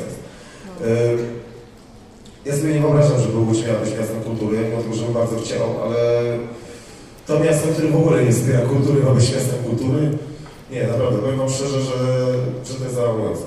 Ale w każdym razie wiecie, jestem jako łodzi, rdzenny łodzianin, interesuje tak mniej więcej, co się w tym mieście dzieje, to jedyna duma, która jest z tego miasta, to jest w tym momencie film.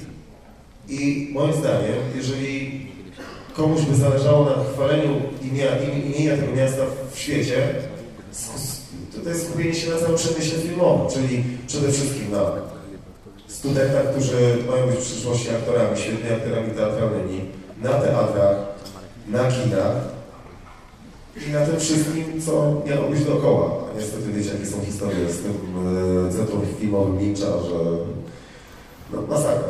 Ale to już lokalna sprawa.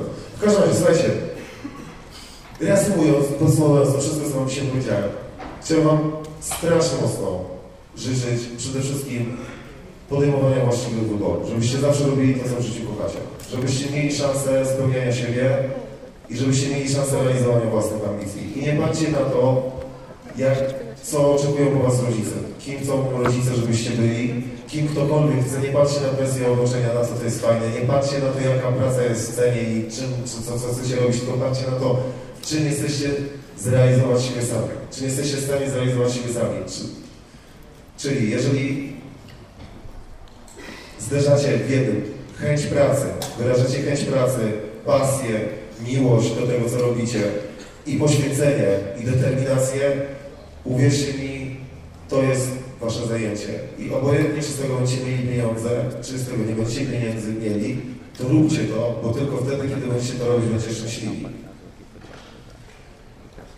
I nie patrzcie na to, co wciskają wszędzie dookoła, bo to jest naprawdę nieistotne. Jeszcze tak na koniec chciałbym powiedzieć, że jeżeli chodzi o ten cały przemysł muzyczny, to uwierzcie mi, że to, co widzicie w gazetach, w radiach, w telewizji, w faktach i to osoby w ogóle płyt nie sprzedają.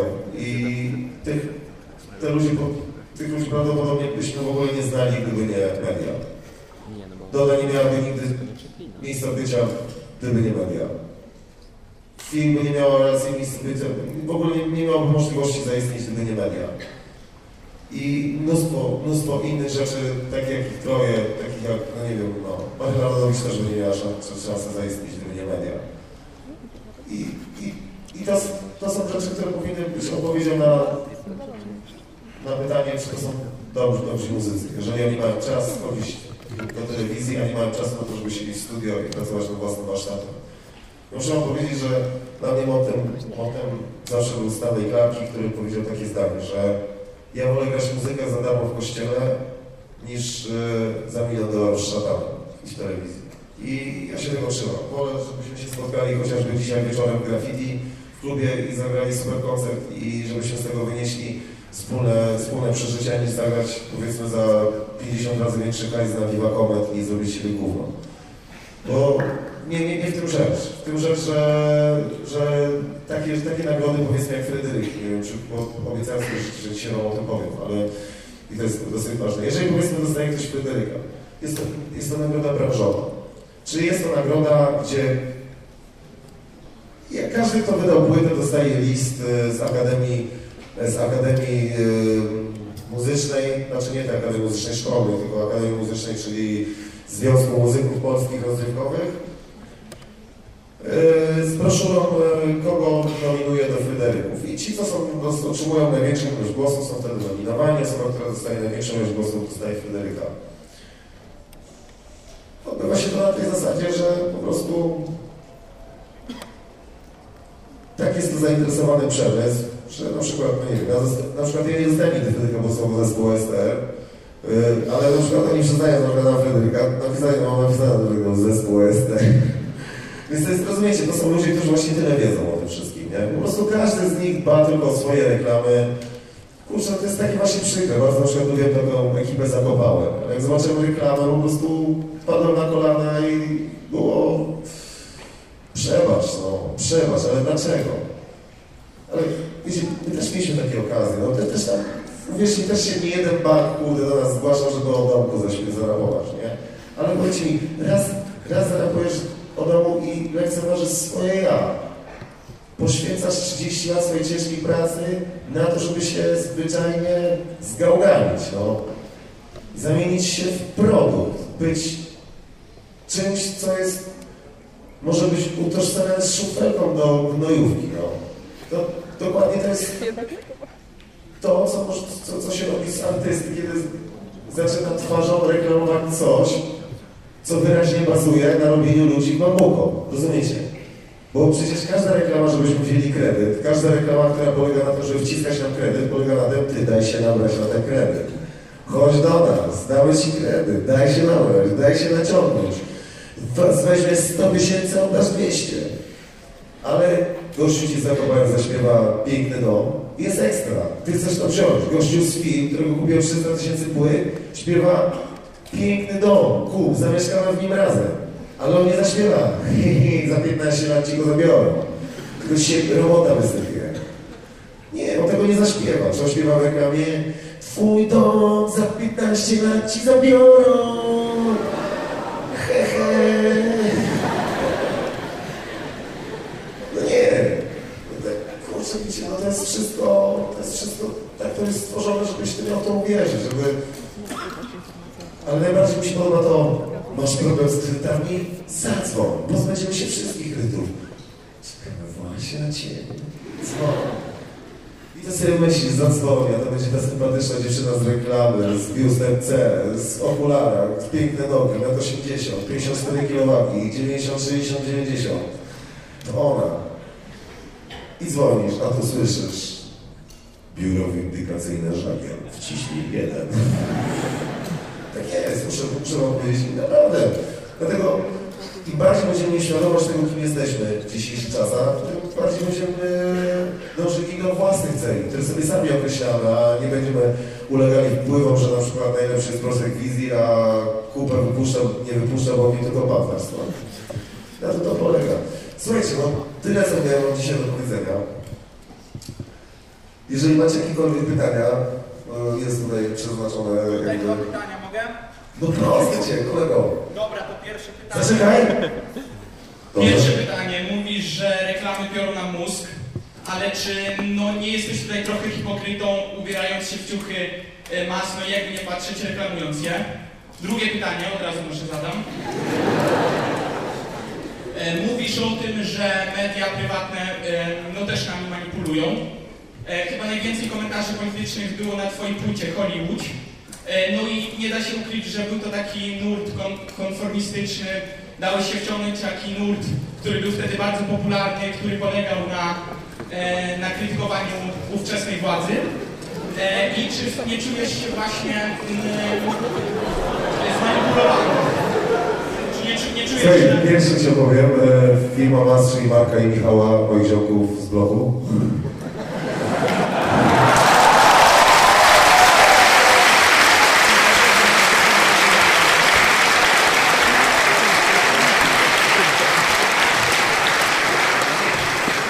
Słuchaj, zrobimy reklamę teraz. Syndykat się nazywa. tak naprawdę. A drugie, słuchaj, płyta Hollywood e, była zainspirowana książką Jerzego Machowskiego, Hollywood. E, W tym znaczeniu była konformistyczna, bo jest to konformistyczna książka. Bardzo polecam to przeczytać. Ale, ale nie, naprawdę, poważnie mówię tutaj bez, bez, jakiejkolwiek ironii. Y, ja ogólnie jestem raperem politycznym przez kawałek ABC. Jestem tak po prostu zaszuflad- zaszufladkowany, ale y, Słuchaj, kiedy ja mówiłem o, o tym, że Giertych nie sprzedaje i wiesz, o tych rzeczach, dwa lata później wyszło na jaw, że w kancelarii, ministr, kancelarii ministrów jest e, kokaina, nie? Więc jakby troszeczkę, jakby wiesz, nie moim zamiarem było przewidzieć to wszystko, że to rzeczywiście tam się odbywa. Ale, ale słuchaj, no to jest tak, że e, co do płyty, jeżeli chodzi o prywatne media, porównanie do płyty, płytę masz ty wybór kupić i tak dalej. Moje płyty nie możesz zobaczyć teledysków promujących yy, moje płyty, powiedzmy, mam płytę w te, powiedzmy na Vivie, czy na MTV, bo ich nawet tam nie wysyła. Yy, jedynym praktycznie medium prywatnym, które e, pokazuje moje teledyski jest Kanal Plus, ze względu na to, że po prostu bardzo się lubię z Tomkiem Smokowskim i jakby on je puszczać, a nie ja. I dlatego yy, on po prostu no, nie no, tak podejrzewam, że to dzięki niemu, bo, bo nigdy z nim na ten temat nie gadałem. Ale wracając do tutaj do Hollywood, bo to dosyć dawno było, sobie przypomnieć tak mniej więcej, co ja wiesz, jakie, jakie, jakie e, motywy kierowały mnie przy nagrywaniu tej płyty. Nie Słuchaj, wiesz co, ja się nie zastanawiam nad tym, jak, jak, ją, jak płyta jest odbierana poza tylko dla dorosłych, nie zastanawiam się w tych czasach jeszcze nad płytą jako całością, bardziej myślałem nad pojedynczymi utworami, nie? I z tego co pamiętam, politycznym utworem tylko jest jeden, dotyczący afery Klewkach i to chyba tam, to chyba jest jeden polityczny utwór, ale, ale wiesz, ogólnie mam taką etykietę raczej rapera politycznego, że dotykam się polityki, ale to jest bardziej wyrażanie własnej opinii niż, wiesz, ja się nie znam na polityce. Wolałbym raczej, e, raczej wiesz, e, oczeki... ja oczekuję polityków jednej rzeczy, że politycy będą wkładali tyle serca w to, co robią, ile ja wkładam w rap, ile ja wkładam w hip-hop i wkładam w wychowanie swojego dziecka. Po prostu uważam, że polityk jest to praca z powołaniem. A w tym przypadku, jeżeli wiesz, widzę, że nie jest najlepiej, ponieważ cały czas na przykład jest niewyjaśniona, ko- po pierwsze, ciebie na przykład to nie dotyczy, ja mam, uprawiam tak zwany wolny zawód. I jako ktoś, kto ma wolny zawód, nie mam jasnej sytuacji odnośnie ZUS-u. Wiesz, nie jest powiedziane, bo ja nie jestem w stanie udokumentować miesięcznych dochodów swoich, więc nie mam podstaw prawnych do płacenia ubezpieczenia. I wyobraź sobie, że tego ubezpieczenia nie mam prawnie, bo nie jestem w stanie go załatwić. I na przykład jako, jako e, obywatel tego państwa oczekuję, mając dziecko i rodzinę, bo widzisz, nie mając ja nie mam ubezpieczenia, czyli moje dziecko też nie ma ubezpieczenia. Czyli ja na przykład mam prawo dotykać tej polityki i mówić na swoim obojętnie, czy to będzie wiesz, e, konformizm, czy to będzie ulegało jakim wpływom, gdzie moda się zmienia, wiadomo, co 4 lata jest moda na politykę, co to są wybory. I teraz też znowu jest polityczny już wybory, więc też będzie znowu e, dużo, dużo piosenek politycznych.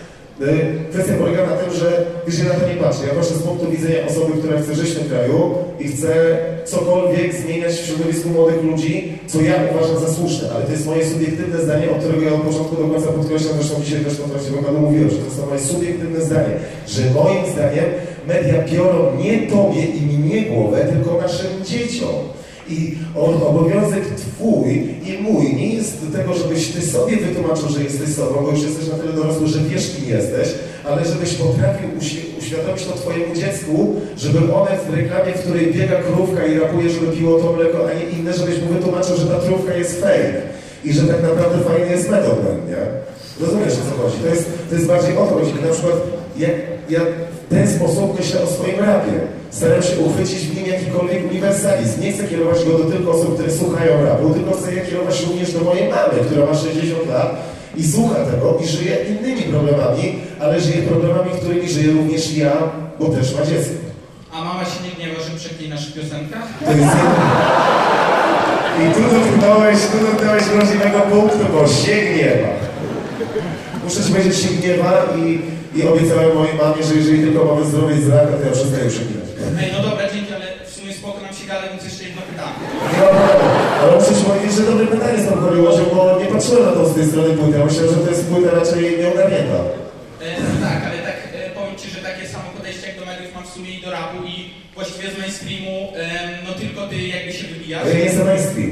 E, no tak, ale jednak wydajesz legalne płyty. A czy myślałeś kiedyś o tym, żeby, no nie wiem, czy słu- słuchasz e, ludzi z podziemia i żeby nagrać jakiś kawałek właśnie z nimi? Jest wielu talentowanych i żeby właśnie nie brać za to pieniędzy, ale wypuścić jakąś płytę nawet... em, Znaczy, nie Polaka ale jakąś płytę właśnie za darmo w internecie. Nie brać za to pieniędzy. Słuchaj, ci powiem szczerze, że cały czas pomagam mnóstwu ludziom i nie biorę za to pieniędzy. Rozumiesz co chodzi? Na przykład, kurde, w życiu, w życiu, w życiu bitu swojego nie sprzedałem, rozumiesz? Wszystkie bity, które możesz usłyszeć na cudzych nagraniach, jakichkolwiek, czy są undergroundowe kon, e, konceptu ekipy z Łodzi undergroundowej, e, kończąc na moim kole, koledze stoperze, kurde, z Aleksandrowa, który prawdopodobnie nikt nie słyszał, e, idąc do, no nie wiem, chociażby Fokusa, powiedzmy z Jajonaszem, czy powiedzmy no, kogokolwiek. Powiedzmy z kimkolwiek pracowałem, współpracowałem z kimkolwiek, robiłem bity, czy Abradama teraz, bo razem płytę robiliśmy. Od Abra- z Abradamem po prostu, słuchaj, ja mam jedną taką zasadę. Dżentelmeni nie rozmawiają o kasie. Mam swoją klasę, nie gadam o pieniądzach. Po prostu pieniędzy nie mam w moim życiu. Moja, moja żona ma kartę do bankomatu i ona ma wszystkie sfery. Ja byłem w banku raz w życiu, kiedy zakładam konto. Nawet nie wiem ile mam, stary. Mnie nie interesuje mnie to, wiesz, nie jest tak, to jest bardzo dziwne, ale mnie interesuje przede wszystkim jedna rzecz. Czy widzę uśmiech na e, buzi mojego dziecka? Jeżeli on jest szczęśliwy, jestem szczęśliwy. Moja żona dba o to, żeby było jedzenie w domu. Jeżeli nie będzie, pójdę na polowanie. Upoluję dzika. Nie słuchajcie, ja wam powiem szczerze, nie, ja naprawdę przez to, że na przykład właśnie dzięki temu, że was koledzy, koledzy z osiedla, wiesz, z bloku, kurde, przez to Kurde, no stary, ja naprawdę nie patrzę, co się ubieram, nie? Tak naprawdę, wiesz, mogłem tutaj być bez koszulki, kurde, i tak nie mielibyście na co patrzeć, na mózgu nie mam, nie? Po prostu to nie, nie ma znaczenia, ubiór, to nie ma znaczenia, nic. Ja, ja zawsze, i też zawsze proszę chłopaków, jak mi już dają jakieś ciuchy, mówię, weź to czy coś tam, tego, sobie zdaję sprawę, że to może że zjała jakaś, jakaś reklama i tak dalej. Stary, to są naprawdę super ziomy, nie? którzy zaczęli od zera i im się to należy, tym bardziej. Jeżeli mam się z kimkolwiek dzielić tym, co ja osiągnąłem, to z nimi niż kogoś, niż jakieś, nie wiem, Nike, co nie zna nawet ziomka. Nie? Znasz Nike? Bo nie znam, ale chciałbym poznać. Nie no, słuchajcie, no, kurde, no to jest też, ale wiecie co, tak naprawdę żyjemy w czasach, w których każdy jest chodzącą reklamą, nie? Każdy, kto jest chodzącą reklamą dzisiaj, jeżeli chodzi o ubranie i tak dalej, ale w ogóle, w ogóle teraz na przykład, żeby spopromować ten underground trochę, to słuchajcie, niedługo wyjdzie płyta super, super człowieka, jest to ziomek medium. Gościu, ma 23 lata, trzyletniego syna, młody ojciec, świetnie sobie radzi, studiuje, pracuje, sprzedaje, słuchajcie, odkurzacze. Yy, Jest prostą, ale jest naprawdę mega ziomem i dla niego mam wielki szacunek, bo pracuje i spełnia swoje marzenia. Nie dość utrzymuje rodzinę, bo niestety ma ta- taki, taki problem materialny, ale jest mega ziomem i stara się spełniać swoje marzenia i robi na, naprawdę zajebisty rap, więc zapamiętajcie sobie ksywkę Medium. To jest pierwsza ksywka, a druga to jest Hryda. Gościu, który jest sprzedawcą obi, który był sprzedawcą obi, teraz jest kolejnym sprzedawcą, teraz pracuje w panoramie pił i cały czas robi rap. I nie dość jeszcze studiuje, mama ma po udarze, zajmuje się mamą, dba o nią i to są ludzie, to są ludzie. Ich mogę nazwać jako superkapce, bo są prawdziwymi ludźmi, dobrymi ludźmi. Kolejną osobą, którą możecie podziwiać jest Małpa. Gościu, który znikąd z Torunia, zna się, znaczy nie znikąd w sensie Torunia, w sensie hip-hopowym. Że gościu, który jest super miasta, Torunia, Bustansowa i tak dalej. Nie łapcie tutaj tego, wiecie o co mi chodzi. E, ale macie rację. E, macie rację, mój błąd, przepraszam. Toruń, super pieniczki, super miasto, najlepsze, przepraszam was. Nie znikąd, znikąd to ja jestem. E, osoba, która się by wydawało, że scenicznie jest znikąd, ale która jest znana, jeżeli chodzi o ten, bo już miał Emkę wcześniej, współpracował z, z Internet i tak dalej, która naprawdę nagrała świetną płytę. Ta płyta w tym momencie się ukazała na winylu. E, e, Jest do kupienia na Asphalt Shopie, e, nakładam Asphalt Records. I naprawdę, no, powiem wam szczerze, że Underground jest naprawdę na super poziomie w tym kraju. Jest mnóstwo osób takich, które cały czas się dzieją. Niedługo będzie kolejna płyta od Janusza, Czarne, Czarne Złoto w końcu, którego, do którego się nie mogę doczekać. Poza tym cały czas wspieramy łódzki rynek. Ostatnio Green u mnie często bywał taki MC z Łodzi, któremu wyprodukowałem pół płyty. Yy, Powiem wam szczerze, ja nie, ja nie potrafię rozmawiać o pieniądzach, nie potrafię brać za swoją pracę pieniędzy. Od tego jest menadżer, on załatwia wszystkie sprawy. Ja nawet o tym nie myślę, nie pytam się, mnie to nie interesuje, ja żyję. Żyję po prostu, moim życiem jest muzyka i tego, o, o tym się mówiłem, że to jest najważniejsze. Jeżeli naprawdę kochacie coś, to jest dla was ważniejsze, słuchajcie, ważniejsze niż ta bluza, niż kurde, wszystko co mam, jest to, że mogę robić hip-hop, nie? Ja mam ze sobą MPC, jest w samochodzie. Nawet się zastanawiałem, czy by tutaj wziąć, bo mam ze sobą głośniki, kurde, takiego komputera, ale mówię, że nie będę was zanudzać, kurde, przyjdę was, będę wam pity puszczać, bez sensu. Ale, ale chodzi o to po prostu, że ja tym żyję, że ja nawet jak jadę na koncert, to muszę to ze sobą wziąć, żeby to robić, rozumiecie, bo to jest moje szczęście. Ja mogę nie zjeść, mogę się nie napić, mogę nie zajarać, ale beat zrobić muszę. Beat zrobić muszę, bo po prostu po bicie jest jak po orgazmie, nawet lepiej, muszę wam powiedzieć. I nie wstydzę się mówię, no, słuchajcie, to jest wszystko święta rzecz, to są wszystko normalne rzeczy, takie ludzkie. I, i to jest piękne. Kolego, jakieś pytanie?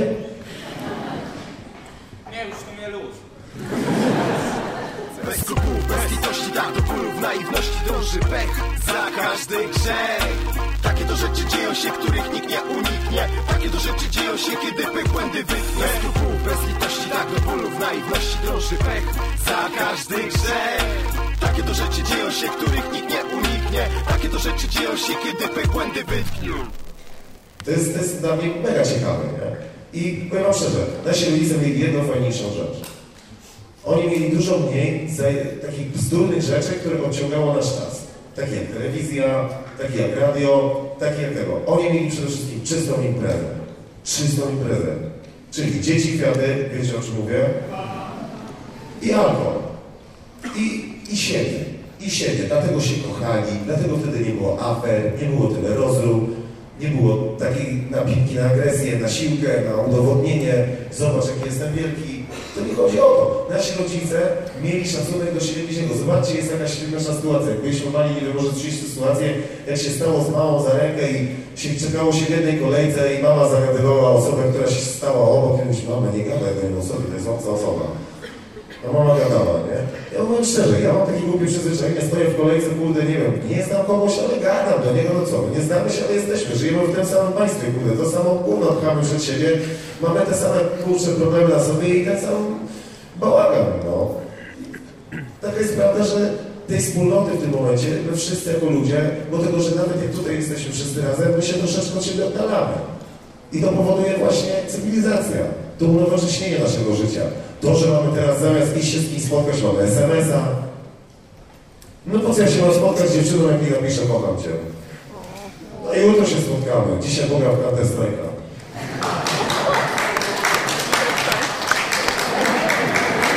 To ty mnie ostatnio sprałeś na sieci. Nie no, słuchajcie, naprawdę bardzo mi miło.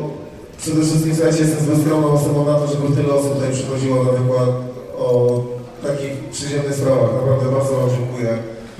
Bardzo doceniam. Mam nadzieję, że nie zraziłem Was za siebie dzisiaj.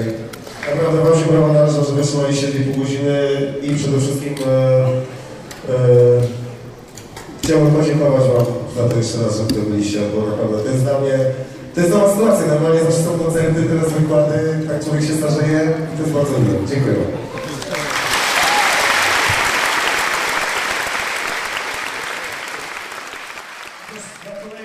indywidualni.org